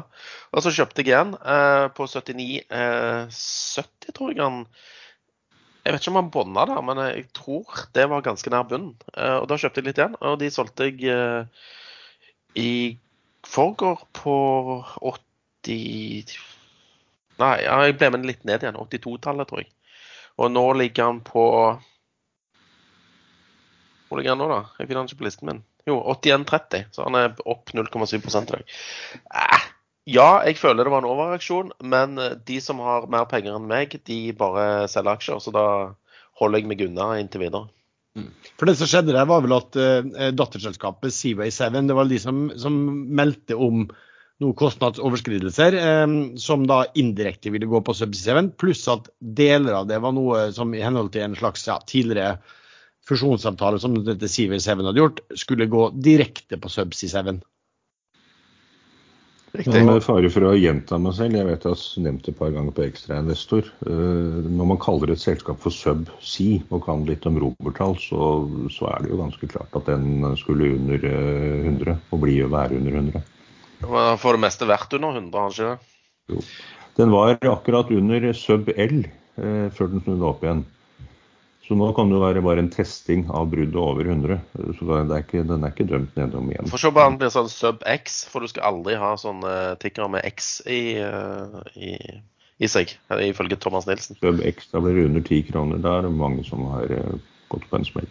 Men, men jeg føler at sånn Subsea 7 er noe som har vært veldig sånn eh, anbefalt av analytikere gjennom mange år, på en måte. Og egentlig aldri helt levert de resultatene. Det har alltid vært sånn at i år ble det sånn, så da blir det ikke så bra i år.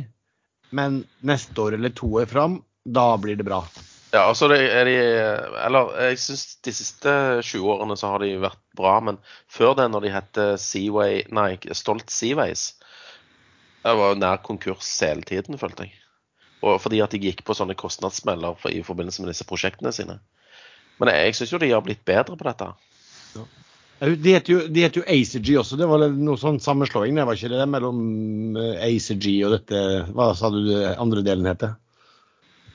Stolt Seaways. Ja, jeg tror, jeg tror de kjøpte omtrent eh, det ACG. Under finanskrisen så kjøpte du vel omtrent Netcash, det var ikke så langt unna. i... eh. Men det var mange år siden. Eh, vi har spørsmål om da, ja, Skipsted og Advinta. Eh, om det er noen spennende muligheter der, Sven? Faen, er det rippe opp i Sven sine dårlige trades de siste to uker? Hva faen som skjer? Jeg eh, skipsted først Subsea 7, og så det der Skipsted. Jeg har prøvd å truffe bunnen i Skipsted nå i to uker og har ikke fått det til. Så eh, i dag stiger han 6% og jeg er ute. Så jeg gidder ikke mer. Det, de som har greie på det, eller det er enkelte analytikere som sier at den Adevinta er altfor høyt priset fortsatt. Så hvis den fortsetter ned, så tror jeg han drar med seg Skipsted. Men nå blir jo Skipsted bli sånn historisk billig på aksjekurs. da. Men de gjorde jo det oppkjøpet av Adevinta, og det kan jo være en sånn klump om foten. Sånn at den kanskje må ned på mer edruelige eh, multipler. Du pleier å ha det litt moro med meg når jeg sier eh, bot, but for bot. Bots Eh, og Det heter ikke klump, klump om foten, det heter klamp om foten. Klamp. Hva er en klamp? Er det sånn eh, Ja, det aner jeg ikke.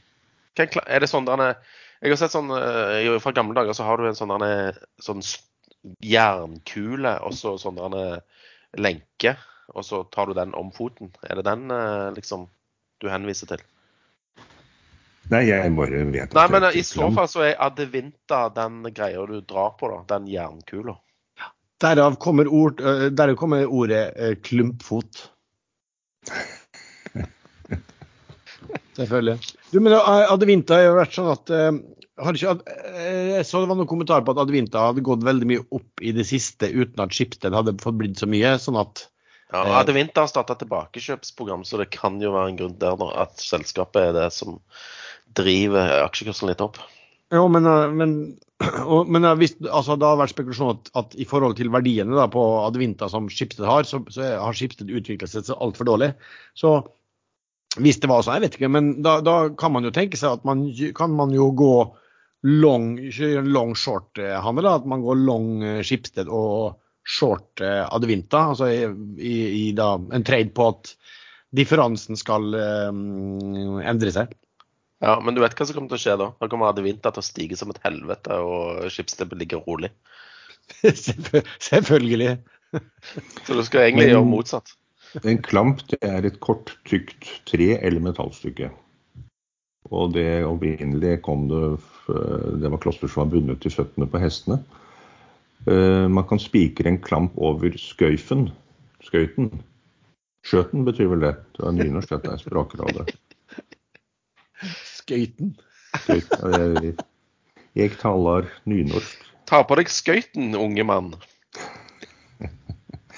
Sånn, det var dagens språkspalte. Ingen feil denne gangen, tror jeg. Uh, kan vi se hva andre spørsmål vi har, da. Vi har, uh, Sven, kjenner ikke du til eh, den Golden Energy Geos? Uh, eh, er det skjulte verdier i den utover dagens aksjekurs, tror du? Golden Shower eh, Energy Systems. Det Jeg har ikke peiling. Jeg hadde, jeg hadde et lå, eller jeg hadde en obligasjon der. Nå har jeg solgt den, så interessen for selskapet har sunket i tråd med mine posisjoner. Vet du hva, Jeg håper at de får orden på finansene sine. De har en sale leaseback som jeg har snakka til det kjedsommelige, som de må få refinansiert eller forlenge eller et eller annet i den duren. Og så må de kanskje hente noen penger. Så kanskje det blir en spennende emisjon. Men jeg, jeg venter mer på Doff. Doff begynner jo å nærme seg nå. Nå har de ut Kjøpte du lån der? Kjøpte du bånd? Jeg kjøpte bånd i denne Golden Shower, ja. Og ikke i Doff?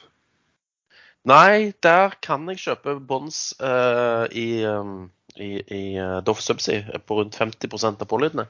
Men jeg har ikke filla peiling på hva som kommer av uh, vilkår i, i denne restruktureringen. Så jeg syns 50% er litt for høyt. Så jeg, eh, jeg tør ikke kjøpe der. Nei, for den obligasjonen er usikra, er den ikke det? Doff Subsea sin er usikra. Den i Golden Shower var sikra i uh, Energy Swan, som er en kjempestor PSV. Men Doffen, det, har dere den ennå? Du pleier jo å være sånn Nei, nei. eh, risk-seeker. Jo, men da de satte ned uh, først fra én måned forlengelse til 14 dager, da holdt jeg med. da. Ja, og nå har de forlenga med Syv dager. Ja, Og og det var jo ja, mandag eller tirsdag, ikke det? Går ut. Ja, de har jo aldri hatt kortere enn én måned før. Eh, og nå gikk de eh, og nå gikk de ned til 14 dager, og så gikk de ned til 7 dager. Det, det er jo et ganske sterkt signal på at enten er de veldig nære, eller så er det noen långivere som sier at vi blir en i dag, eller så tar vi pantet. Men eh, de har vel 20 milliarder kroner i gjeld. La oss si de restrukturerer 15 milliarder av- av dem. Og til 10 øre, da blir det 150 milliarder nye aksjer. Det er fint. Jeg tror, det tror jeg er alt, altfor mye hva de trenger å La oss si 10 milliarder, da. Ja, jeg tror de trenger mye mindre enn det også, men, eh, men det også. Kan jeg ikke bare ringe han der Tollefsen? Eh, 20 fra eller til? Det merker jo ikke han i det hele tatt. Det er 316 millioner aksjer i selskapet i dag. Så uansett så blir jo utvanningen på dagens aksjer bortimot total. Om vi gjør det på én krone eller en tiøre, spiller sånn sett ikke rolle for utvanningen. Dagens aksjer er sånn sett null verdt, men man får jo denne forhåpentligvis den berømte vakuumeffekten eh, når rekonstruksjonen er vedtatt og fram til de nye aksjene kommer, som tar fire-fem uker. Men å kjøpe den på over to kroner nå, hvis det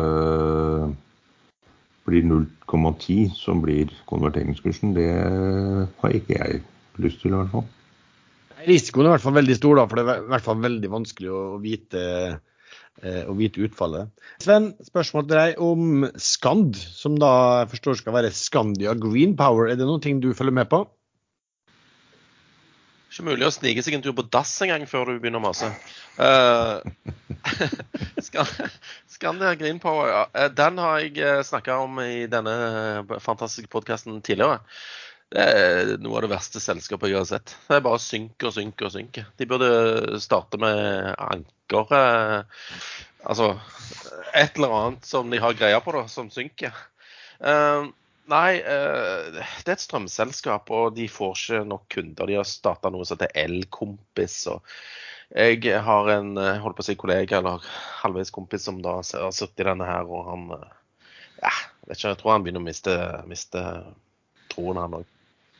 Men det skal visstnok være flinke folk, da. Men jeg holder meg unna. Jeg tipper det kommer en emisjon.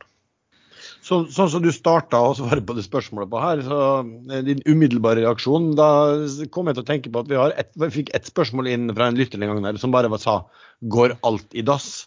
Spørsmålstegn. Nei, men alt er jo faktisk eh, eh, notert på børsen. Og alt, eh, skal vi si, det er Alternus Energy Group, PLC. Den er helt uforandra. Så alt er uforandra i dag.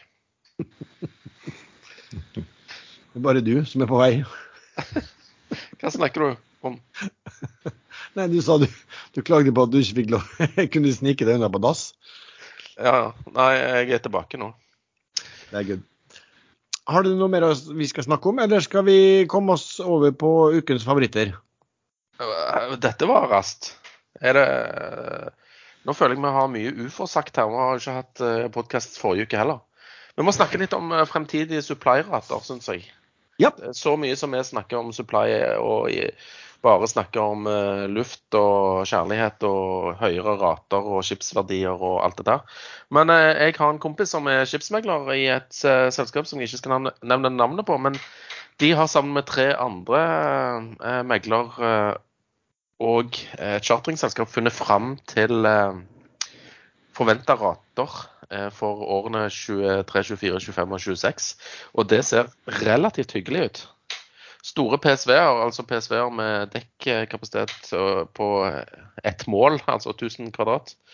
Der er rente for rateforventningene Gjennomsnittsrata for 23 er 183 000, eh, nei, 182 000 kroner, økende til eh, 214 000 i 2026. Så de ser for seg 1, 2, 3, 4 år med godt marked. Og da, altså, da er vi jo bare i begynnelsen på denne syklusen når det gjelder rater på supply. Det samme med ankerhåndtering og disse OCV-ene. Eh, ja. Fantastisk fremtid. Men hva, hva ligger ratene på nå, sånn cirka? Akkurat nå, altså, i spotten, så er det jo helt uh, i Er ikke de oppe i millioner uh, for øyeblikket? Altså, Jo, der, der er det jo litt sånn galskap, da. Men, Ja. litt, men litt om de, de nivåene. Nei. Hvor mye, mye er det opp fra dagens, liksom? Altså sånn generelle, hvis du tenker litt på leng, lengre avtaler de har. Eh, Jeg vil tippe det er nesten en dobling da, eh, i snittet på de fire årene. Ja. Så eh, altså nesten en dobling. Så det Så fra, det er jo ikke, det er jo, Hvis vi går et år tilbake, så sa vel alle at det, dette var egentlig omtrent flytende likkister. Fordi at det var ingen som ville ha dem, det var altfor mye av dem, og de var eh, ikke Ja. Hadde blitt bygd altfor mye. Og nå, nå er man blitt veldig positive. Ja, men Det er jo bare å se på hvem som plutselig er inne i disse supply-aksjene. Du har han Tore Tor Aksel Vollberg. Du har Spetalen som da lager dette standard supply og skal kjøpe seg opp i, Altså få tak i assets, liksom, for de forventer at, eh, at eiendelene skal stige i verdi, sånn at de kan selge det igjen. Det er jo sånn klassisk han gjør eh, når det er sånn eh, hot rig-marked. Å kjøper han noen jackuper og, og, og sånne ting, og selger de med hyggelig gevinst et ett år senere. Ja, det er jo bare å se på, se på vinnerlisten i dag, da, så er det jo Havila, CM Offshore og Solstad Offshore er jo eh, tre av de seks eh, vinnerne. Ja, til og med STSD, men den har vel fått litt bank siste dager. Ja. Men det har jo Supply-aksjen òg gjort i senere tid. De har fått litt bank, men de har Eller gevinsttaking, heter det vel. Ja, det, men det, det vil jo være altså Jeg vil jo tro at uh, når de har de forventningene, så må de jo også ha en forventning på oljepris. For det vil jo, vil jo um, uh, ha med hverandre å gjøre i stor grad. Ja, selvfølgelig. Um, sånn at, så det ser bra ut. Men motporten er selvfølgelig at, at de enorme lånene som en del av disse supply-selskapene har, vil jo da bli ramma etter hvert også av betydelig høyere renter også. Men, men, men altså det ser, jo, det ser jo ganske lyst ut. altså Absolutt. Hvis, hvis de rentene der, eller hvis de ratene der blir, blir som man antar, så, så ser det bra ut. Ja, sånn som Doff, de har jo ikke betalt renter på mange år. Så rentenivået betyr vel ikke så veldig mye akkurat nå. Nei, men da, da, da stiger gjelden også. Jeg bare tøyser, selvfølgelig. Eh, Det ble jo lagt til liksom lånet, da. Så de, de må betales en eller annen gang. I form av et eller annet. Tipper i form av aksjer. Men sånn i forhold til andre aktører som nå må ta opp gjeld, så har jo Doff Da blir jo ulempen Doff har nå med høy, høy, høye renter, den blir jo mindre i forhold til andre aktører. De har ganske lave renter. egentlig. Hvis du begynner å se på disse supply-selskapene, så, så har de vært holdt liv i egentlig av bankene. Eh, og de har jo vært restrukturert, flere av de også. og det, da, da gjør det at bankene har gitt de ganske så lave renter, altså som, som på ingen måte eh, reflekterer hvor enorm giringen har vært. Eh, så det, det kan nok godt være at i det, i det øyeblikket de begynner å se ut som et mer solid, så, så, blir, så vil eh, bankene også sette opp renten for å normalisere den renten, og ikke ha sånn livredningsrenter på dem. For de har jo også holdt på med 'kicking the can down the road'. ikke sant? Alle alle har sittet og håpet, håpet på at det, det skulle komme tilbake i dette markedet en gang. Eh, både aksjonærer og långivere. OK, men skal vi ta ukens favoritt, da? Starte med deg, Sven.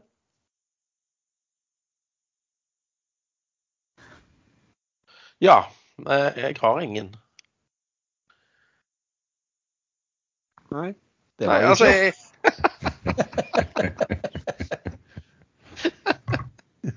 Skikkelig nedtur. Nei da. Eh, Jeg satt og gleda meg i to uker egentlig på at du skulle komme med det her. ja, eh, jeg traff jo så bra sist. Nei da. Eh, jeg husker ikke hva jeg hadde. Var det denne House of Cards? Eller var det Geggen? Jeg husker ikke. Ingen. Hvorfor tar det så lang tid i den der Geggen? Jeg begynner å ane uråd her nå. Hvis du ser på historikken til Geir, Ja, vi- som er klar gamle det. Sibert, så, så er gjerne sånne Loier. De, er vært, de blir uforløste. de har ikke, ja, de har ikke vært så flinke med å få, få fisken i land, for å si det sånn. Den eh, fisken har hoppet av kroken en del ganger. Så vi får se på det skjer en gang til. da. Men eh, jeg har ikke den aksjen eh, for øyeblikket. Men det var mulig å få den godt under fire igjen. Så jeg sitter og teller på Nei, jeg kan ikke telle på knappene heller, for jeg har bare én knapp. Eh, så Nå var kursen på 3,79 i den. Den var jo oppe på 4,60 eller noe sånt. ikke det? ja, jo. Eh, Og det er 4,80 omsatt for 430 000 kroner. Ja. Nei, jeg, jeg vet hva. Jeg har tenkt litt eh, Eller jeg tenker litt hele, tiden. Eh, men jeg tror det er enkelte sånne growth-selskaper som, som har falt mye i kurs, som faktisk kan bli kjøpt av børs, i tillegg til disse SAS-selskapene. Så jeg har gamla fortsatt litt på denne hooken. eh, Og eh, hvis det ikke skjer noe på noen uker, så selger jeg den og lar den få seile sin egen sjø i løpet av sommeren. Det er jo en tech-aksje, så den kommer jo til å få bank hvis hele markedet faller videre der borte i USA.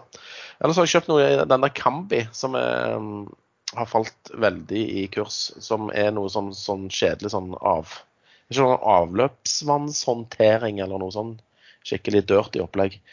Uh, kan, det virker som et skikkelig selskap, så jeg tror kanskje noe kan skje der. Men eh, jeg baserer det kun på en hunch. Kan, Kambi, jeg husker jo det gikk på børs, eh, og den eh, eh, Vet ikke om det var DNB som hadde den, og jeg- jeg måtte bare si til han eh, i DNB at jeg skjønte ingenting om hvordan det kunne bli priset så høyt.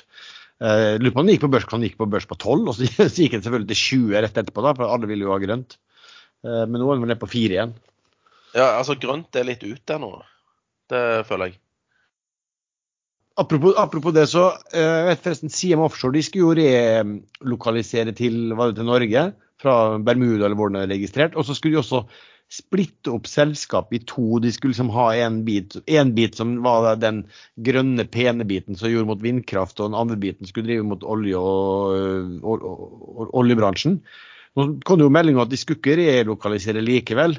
Eh, og det sto ingenting om de planer for å splitte opp i to. Jeg tror ikke det er så veldig interessant lenger. For nå er det jo nesten sånn at hvis man eh, skal mot grønt, så antar, antar, antar man at man ikke kommer til å tjene noe penger. Du får ikke så veldig mye goodwill ut av det, tror jeg. Sånn Nei, altså, sånn som det selskapet du spurte meg om, det der Scandia Green Power, de bør jo da skifte navn til Scandia Black Power eller et eller annet sånt. Så blir det mer poppis, liksom. Ja, I hvert fall blant enkelte. Men det er fremdeles sånn at eh, det er noen enorme pakker eh, som kommer fra EU inn i grønne selskap. Så det blir jo ikke borte. Nei da, men eh, eller, vi er jo litt kortsiktige her i denne podkasten. Så vi ser jo litt sånn eh, akkurat eh, Sentimentet per nå er vel at grønt var litt sånn ja, eh, so 2021, liksom. Få høre du da, Erlend. Hva, hva er det du ser på uka som kommer? Nei, Nå ser jeg egentlig på veldig mye, men eh, akkurat nå har jeg bare onkopeptides. Og det er fordi de da kommer med med øh, Hva heter det for noe? Øh, når det kan gå begge veier. Øh, enten eller. Neste fredag, torsdag. Så da får man se. Eh, Nå har kursen gått opp med rundt 50 fra den bundet ut 8. mai på 7,30. Nå er den på temmelig nøyaktig 11. Eh, Det er jo ofte en sånn stigning som, som ting snur på. Eh, Men drar den over 50% så går den gjerne en dobling på forventninger. Jeg kommer sannsynligvis til å selge rundt halvparten øh, før torsdag, men jeg har såpass god tro på at vi får EU-godkjenning at jeg sannsynligvis blir sittende med en del. Så tar jeg heller eh, tapet hvis det kommer. Man må ta noen sjanser innimellom. Men det er jo veldig mye annet interessant da, som har falt veldig mye. Eh, men jeg tror ikke fallet er sluttbredt, så jeg avventer. Se på eh, MPCC Container, de er nede på 22 kroner nå. De hadde jo et utbytte som forsvarer noe av det. Eh, Men det, er liksom det er ikke noe kjøpspress ute og går noe sted. Det er veldig lav omsetning. Nå er det vel kommet signaler på at dette containermarkedet er i ferd med å normaliseres, eh, og at eh, presset på ratene ikke er så høyt som man skulle tro, for de står jo foran eh, high season. Ja, men hva hvis Kina åpner opp igjen og havnene åpner opp igjen? Blir det ikke da veldig press sånn fra en dag til en annen igjen? Ja, Da vil jo ting normalisere seg når det gjelder trafikken. Det Problemet har jo vært congestion. Eh, altså, og det, hvis det løses opp, så ja, så tror jeg det er en del eh, skip i ordre som blir levert fortløpende fremover. Mm. Men akkurat den prosessen har jeg da blitt eh, forklart litt sånn aggressivt eh, av noen som sitter med den, at de har lange kontrakter og egentlig ikke er berørt av daglige fraktrater. Eller ikke månedlig eller år, de har vel kontrakter sånn på flere år. Men jeg klarer ikke helt å tro på at ikke store kunder, gode selv, kanskje spesielt store kunder, reforhandler, eh, krever reforhandling av kontrakter hvis markedet endrer seg totalt. Men det kan jo være at de klarer å opprettholde fraktraten, og da er jo det en utbyttemaskin, så vidt jeg har skjønt. Men eh, ta Nordic Mining f.eks., som jeg liker som selskap. Nå har de fått alle tillatelsene. Nå har de også fått en god del av finansieringen på plass. Eh, de mangler fremdeles eh, offtake-partner på Rutil, som er en stor del av prosjektet. Det er ikke Rutil, det har de fått. Det er japansk tradinghus som har kjøpt seg inn og lovt å delta i emisjonen med 20 millioner kroner, var det vel. Granat er det andre mineralet de skal selge. og Der mangler de fremdeles offtake-partner, men det kommer nok ganske snart. Og Der blir det kjørt en emisjon, og det har selskapet vært veldig tydelig på. At de må hente inn en god del penger fra markedet også. Så det er nok grunnen til at kursen har falt fra femtallet ned til eh, nå pluss minus tre. Og så spørs det da mm, hvor langt ned emisjonen settes, eller om den faktisk blir satt over dagens kurs hvis de får en veldig god avtrekkeavtale på Rutil. Så jeg liker selskapet, men det er eh, litt for høy kursrisiko akkurat nå til at jeg tør å ta den. Jeg nevnte for noen episoder siden at jeg hadde kjøpt noen aksjer eh, i et unotert selskap. Eh, og det kan jeg i hvert fall nå si såpass mye om at det er i thoriumselskap. Som har, som har rettigheter i Fensfeltet dette nede i Telemark, som er en enorm ressurs av ikke bare thorium, men mye annet. Så det Foreløpige boringer tyder på at det er såpass mye forskjellige mineraler som man kan hente ut, at det kan bli god økonomi. Og særlig når eh, mineralprisene går såpass opp som de gjør nå. Men det som er interessant med thorium, eh, det er ikke bare thoriumreaktorer eh, som er bygget som thoriumreaktorer eh, og ligger 10-15-20 år fram i tid. Kina påstår de skal ha en klar om ti år. Det er at man kan erstatte dagens uranbrenselceller, 95% av disse, med thorium. Og de siste 5% uran man trenger for å sette i gang reaksjonen, den, det kan man bruke avfall fra andre reaktorer, så man løser litt av avfallsproblematikken fra dagens reaktortyper. Uh, ulempen er at reaktoren må stoppes og bygges om, uh, men det er en relativt enkel ombygging. Det er en liten elektrisk, elektrisk switch som kommer uh, et eller annet sted inni systemet. Fordelen med det er at en, tor, en, en av dagens type lettvannsreaktorer, er det vel heter, de kan skrus av. De må ikke kjøres ned over en viss tid som dagens reaktor. De kan bare skru på en bryter, og så stopper den. Uten at det skader noe som helst. Og dette er ikke noe som er bare teoretisk på tegnebordet. Halden-reaktoren ble kjørt i tre og et halvt år med denne type 95% thoriumløsning. Og det fungerte veldig bra.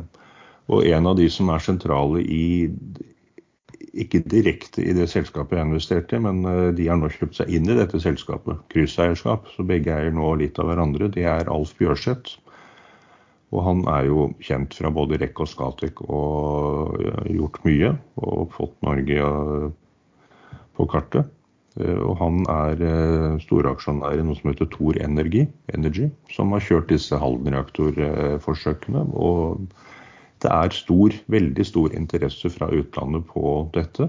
Og akkurat i dag kom det en eh, mail fra Geo365, er det vel det heter, eh, .no, som skriver om alt mulig om gruvebransjen.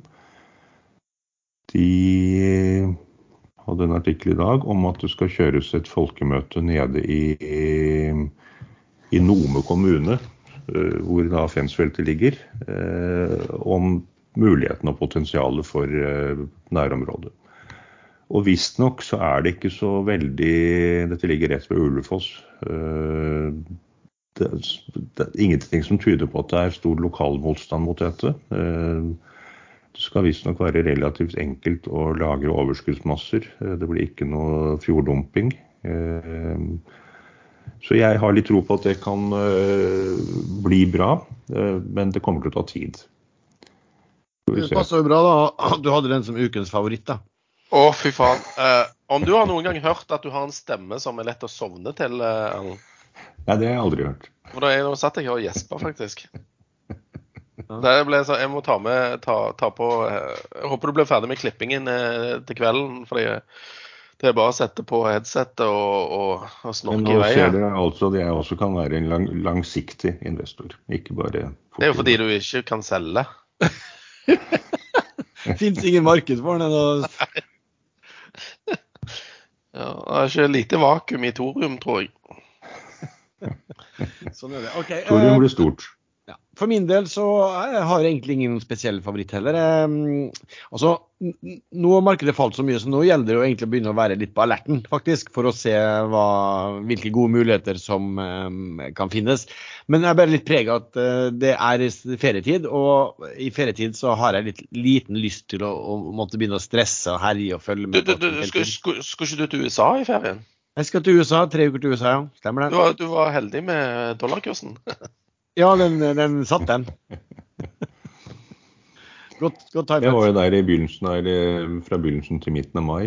eh, Og jeg ser på flere av bankutskriftene at eh, dollaren var til dels over ti kroner. I hvert fall med vekslingsgebyrer og sånne ting. Det får bli som det blir. Men da er det i hvert fall litt deilig å ikke måtte følge med så, så voldsomt mye. Nei, altså det, det, og, og så har jeg jo tatt en del sånne som jeg hadde litt mindre, bare vippa ut. Jeg orker ikke å følge med, og ikke betydde de så veldig mye mm, heller. Det, den, den største posisjonen min, altså Hafne og Tenkers, den er vel opp eh, 5 i dag, og, og egentlig gikk bra. Også de dagene hvor det var, har vært mye mm, eh, turbulens.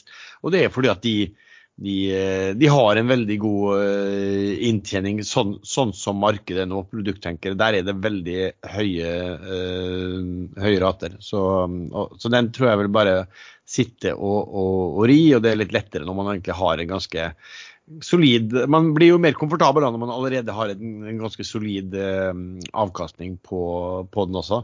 Wilhelmsen er jo, den har sklidd en god del, egentlig. Eh, den var jo nesten oppi, den var oppi 290 på det meste, og så har den falt ned mot 200, 240. Um, de sier jo fortsatt at, det er gode um, tider og mye anbefaling i bilfrakt, selv om da bilsalget i, i Europa og det meldes andre steder at, at fortsatt er veldig dårlig. Så um, det blir jo interessant å se hvis det kommer tilbake igjen, det bilsalget, hvordan det, det, det markedet der blir, eh, blir da. Men eh, jeg har jo en del i altså Wilhelmsen, altså VVI og, og denne Treasure også. og De har jo svart belte Wilhelmsen da, i, å, i å ikke få fram verdiene på, i aksjekursen. i hvert fall. Det er vel ingen som over tid har hatt så store rabatter på underliggende verdier og uten å få gjort så mye med det. Så de, de kan jo prøve. Eh, men ellers er det ikke noe sånn, eh, sånn spesielt. Vi får se om det dukker opp noen muligheter, men jeg kommer ikke til å følge så veldig tett eh, time fra time, i hvert fall markedet i, i en liten periode nå. Eh, Husker dere at vi mobba det der eh, R8 Properties eh, pga. navnet sitt? Jeg kalte det jo for Rotte Properties.